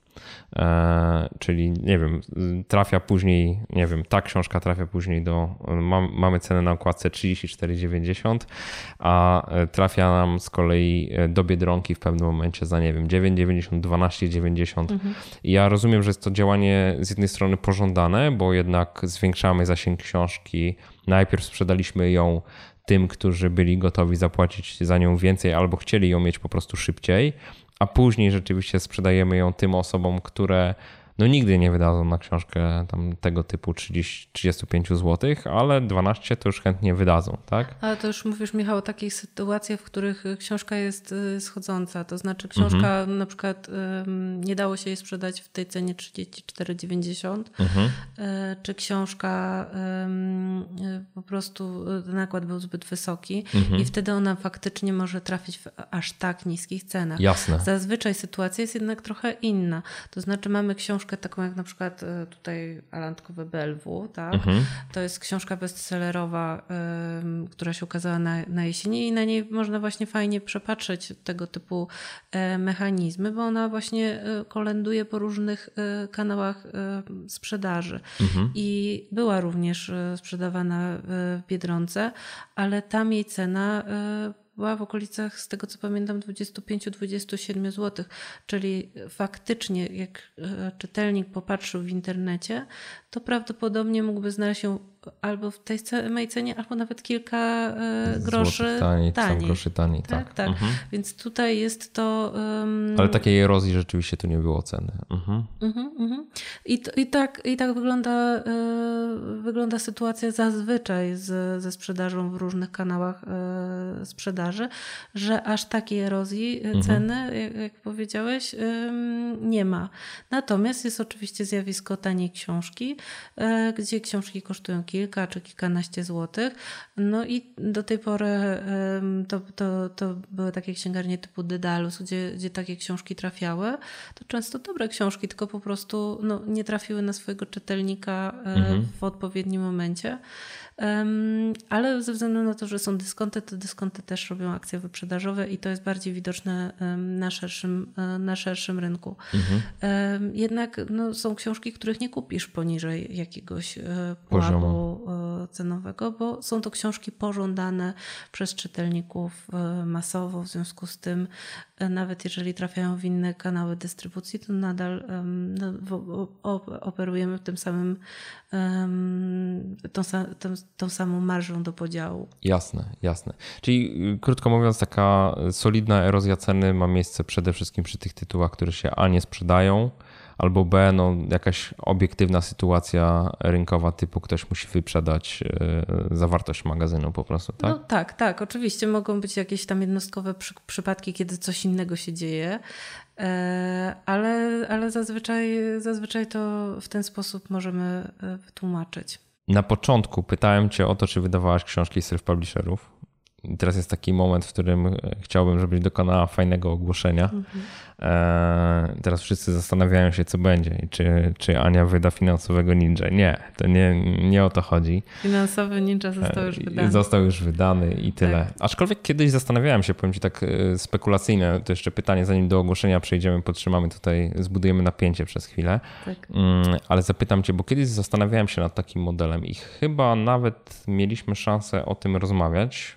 Mm, rozważałem taki model, czy by finansowego ninja nie wydać najpierw samemu, a później, kiedy wysycę sprzedaż, nazwijmy to swoim kanałem, y, w, pójść do tradycyjnego wydawcy, który by go wydał i dotarł szerzej. Znaczy, wtedy to się opierało na takiej wierze, której powiedzmy, że teraz już jej nie mam, nie? Ale wtedy opierało się na takiej wierze, że tradycyjny wydawca rzeczywiście ma dużo, dużo, dużo większy zasięg niż ja, nie?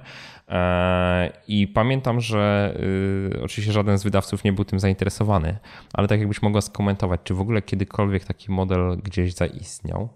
Tak, tak. A ja wiem, oczywiście. że zaistniał, rzeczywiście zaistniał. No tak, tak. E, są takie książki, które najpierw były w modelu self-publishingowym wydawane. No, y, w ogóle cały taki... 50 twarzy Greya wyszło najpierw w self-publishingu w ogóle na świecie, czy nie? To znaczy, to, to są takie książki, zarówno ta książka, jak i tak. E, Zmierzch, który tak. jest takim najbardziej, e, myślę, przełomowym tutaj. Mhm. 50 twarzy było później, ale to, to, to, to książki, które wyrosły z takiego środowiskowa fanfiction, które mhm w Polsce stosunkowo mało widoczne na rynku książki, ale w Stanach to, to stamtąd też się dużo czerpie.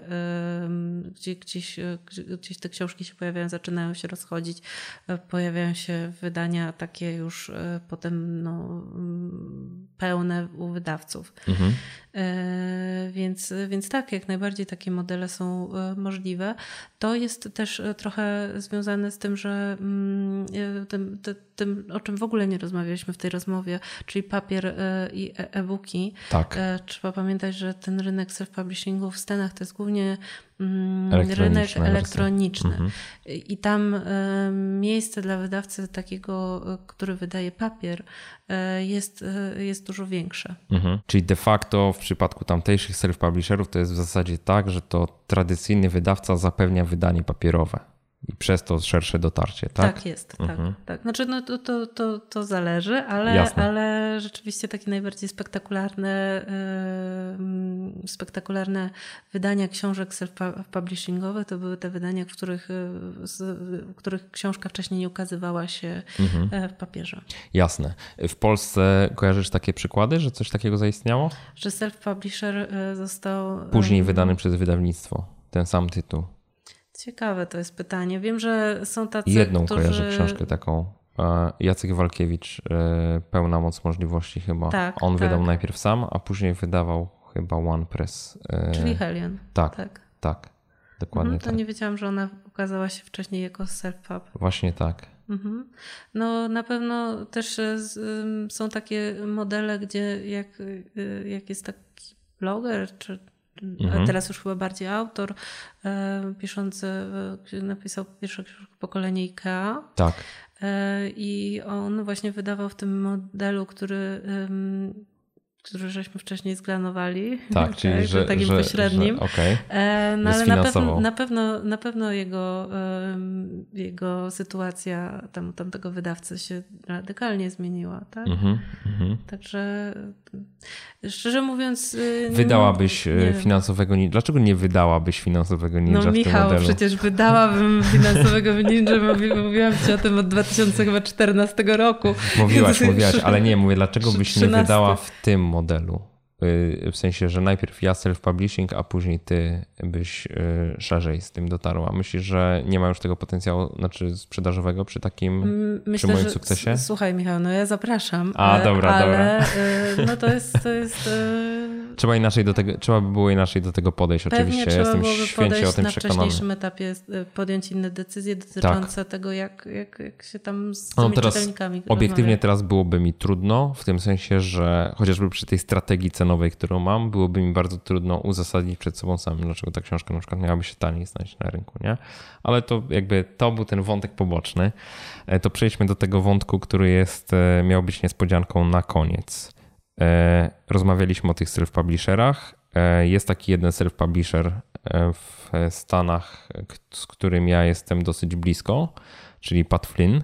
Zresztą gościł, zaraz spojrzę w moje notatki, gościł w 70. odcinku podcastu, gdzie opowiadał o swojej książce Will It Fly, wydanej na rynku amerykańskim, wydanej właśnie w modelu self-publishingowym, bo on tam z żadnym wydawcą nie współpracował.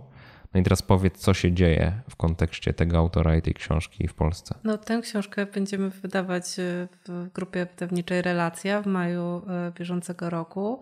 E, I no bardzo się cieszę, że, że ona do nas trafiła, bo kiedy zadawałeś mi pytanie o to, skąd bierzemy książki, mhm. to te książki trafiają w bardzo różny sposób. Poprzez agencję, ale, mhm. ale też i z osobistych inspiracji. I to, co jest trudne w tym wyborze to jest natłok tytułów, które trafiają e, na biurko redaktora czy wydawcy. Mhm. To, to jest rocznik kilkanaście tysięcy e, tytułów, które gdzieś tam się przejawiają, prze, przewijają. E, I któregoś dnia, przeglądając właśnie katalog z jednej agencji, trafił mi się znajomy skądś autor. i w fantastyczny sposób wpisał się w e, nasz program wydawniczy w relacji, w której mamy serię TED Books, gdzie, gdzie są też książki związane z tym, jak człowiek pracuje, z, z e, książki dotyczące przedsiębiorczości, bo to jest bardzo szeroka, szeroka e, seria. Mhm. I jak zobaczyłam tylko tę, tę, tę książkę w tym katalogu, to, to od razu zamówiłam e, egzemplarz recenzencki e, i zdecydowałam się na jej wydanie. No proszę, kiedy to było? E, myślę, że półtora roku temu, rok. Szmat czasu. Książka, ja pamiętam, że książka miała premierę dwa lata temu. Dokładnie dwa lata temu rozmawiałem z Patem Flynnem. Występował w podcaście, opowiadał o niej. Także praktycznie od razu e, się w katalogu pojawiło, tam pewnie w ciągu pół roku. E, myślę, że ona I... nawet się pojawi, pojawiła zaraz po tym, jak on zdecydował się na współpracę z agencją. Jasne, jasne. Czyli to, to agencja, że tak powiem, umieściła tą książkę w katalogu takim, który ty otrzymujesz e, jako tytuły, które możesz, których licencję możesz zamówić po Dokładnie prostu. Dokładnie tak. Super, tak. super. No to i co jest, dalej? No to dalej, no to myślę, że dużo różnych ciekawych rzeczy nas tu czeka. E... Ja, zdradzę, ja zdradzę jedną rzecz, bo ty tak yy, nie, nie powiesz tego wprost, ale ja zdradzę, że Ania poprosiła mnie o napisanie polskiego, yy, polskiej przedmowy do tej książki. Więc jako fan Pataflina byłem niesamowicie zachwycony w ogóle tym pomysłem. Starałem się tego bardzo po sobie nie pokazywać ale tak sobie pomyślałem, ciekawy jestem, czy Pat nie ma czegoś przeciwko, więc zapytałem również Pataflina, czy nie miałby nic przeciwko. No i był bardzo entuzjastycznie do tego pomysłu nastawiony. Przyklepaliśmy to definitywnie, widząc się w listopadzie 2017 roku w Londynie na konferencji, zresztą na naszym pierwszym spotkaniu, gdzie usiedliśmy i od razu zaczęliśmy też rozmawiać o planach, jakby to zrobić, żeby ta książka rzeczywiście na polskim rynku zaistniała. Więc e, zdradzić mogę dzisiaj, że trochę się będzie w kontekście tej książki działo. Myślę, że będziecie zaskoczeni, bo będzie trochę niespodzianek e, również, e, których dzisiaj nie ujawnimy, nie. ale powiemy, że premiera jest w maju, to już powiedziałaś. W, celujemy w targi książki. Okolice targów książki. Okolice targów książki, także możecie się szykować. Targi książki w tym roku są 17-20 maja tak. 2018 roku.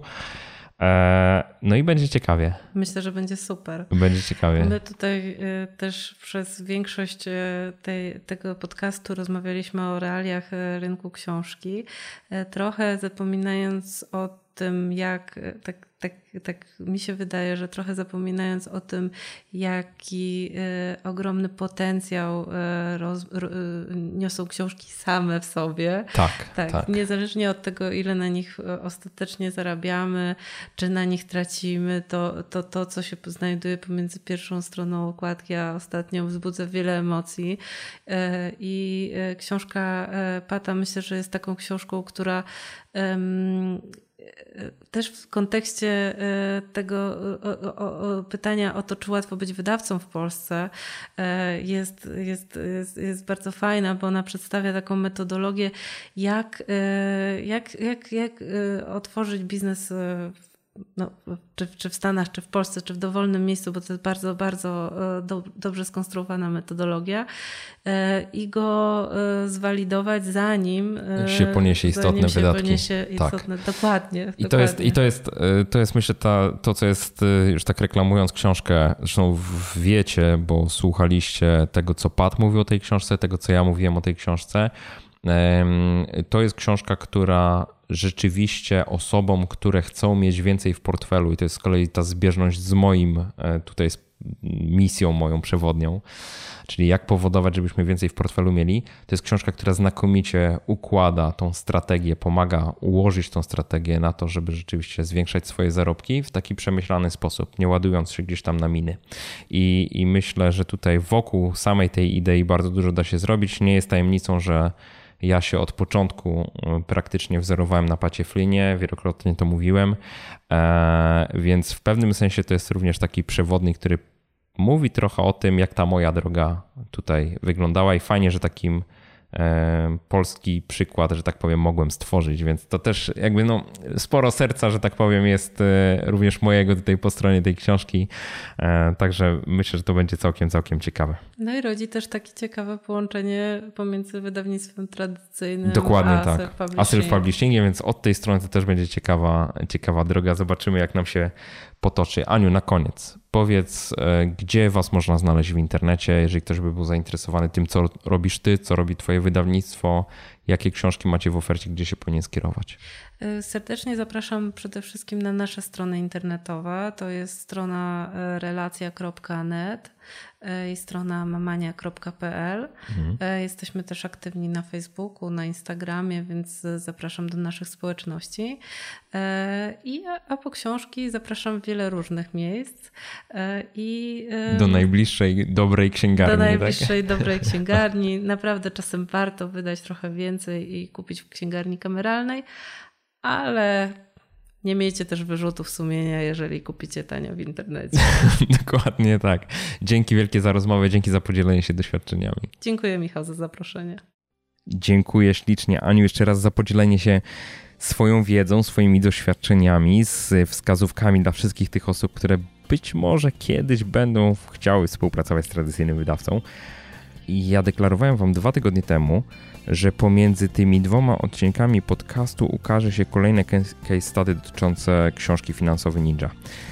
Niestety ten materiał mi się mocno opóźnił, za co bardzo serdecznie Was przepraszam, ale to dlatego, że wpadłem na pewien szalony pomysł, który teraz właśnie urzeczywistniam i szczegółami pochwalę się Wam dopiero wtedy, kiedy ten projekt będzie ukończony.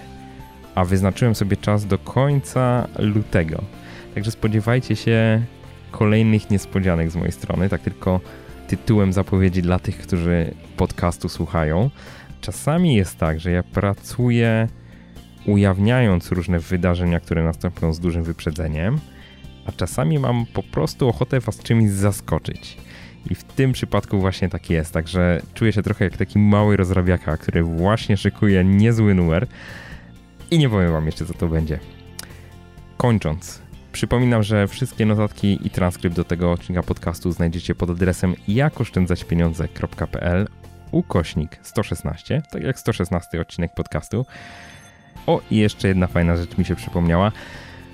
Podcast został ściągnięty już ponad 3,5 miliona razy. To jedna informacja. Druga ważna informacja to jest to, że od niedawna możecie pobrać wszystkie odcinki podcastu, albo prawie wszystkie, ostatnie 100 odcinków podcastu z playlisty na Spotify. Także śmiało poszukajcie na Spotify, jeżeli korzystacie z tej aplikacji. Poszukajcie więcej niż oszczędzanie pieniędzy i tam już w tej chwili znajduje się ten podcast. Drobne rzeczy zostały do wyczyszczenia, ale ostatnie 100 odcinków można sobie już w ten sposób posłuchać. Tyle na dzisiaj. Dzięki wielkie za wspólnie spędzony czas i życzę Ci skutecznego przenoszenia Twoich celów finansowych na wyższy poziom. Trzymaj się do usłyszenia.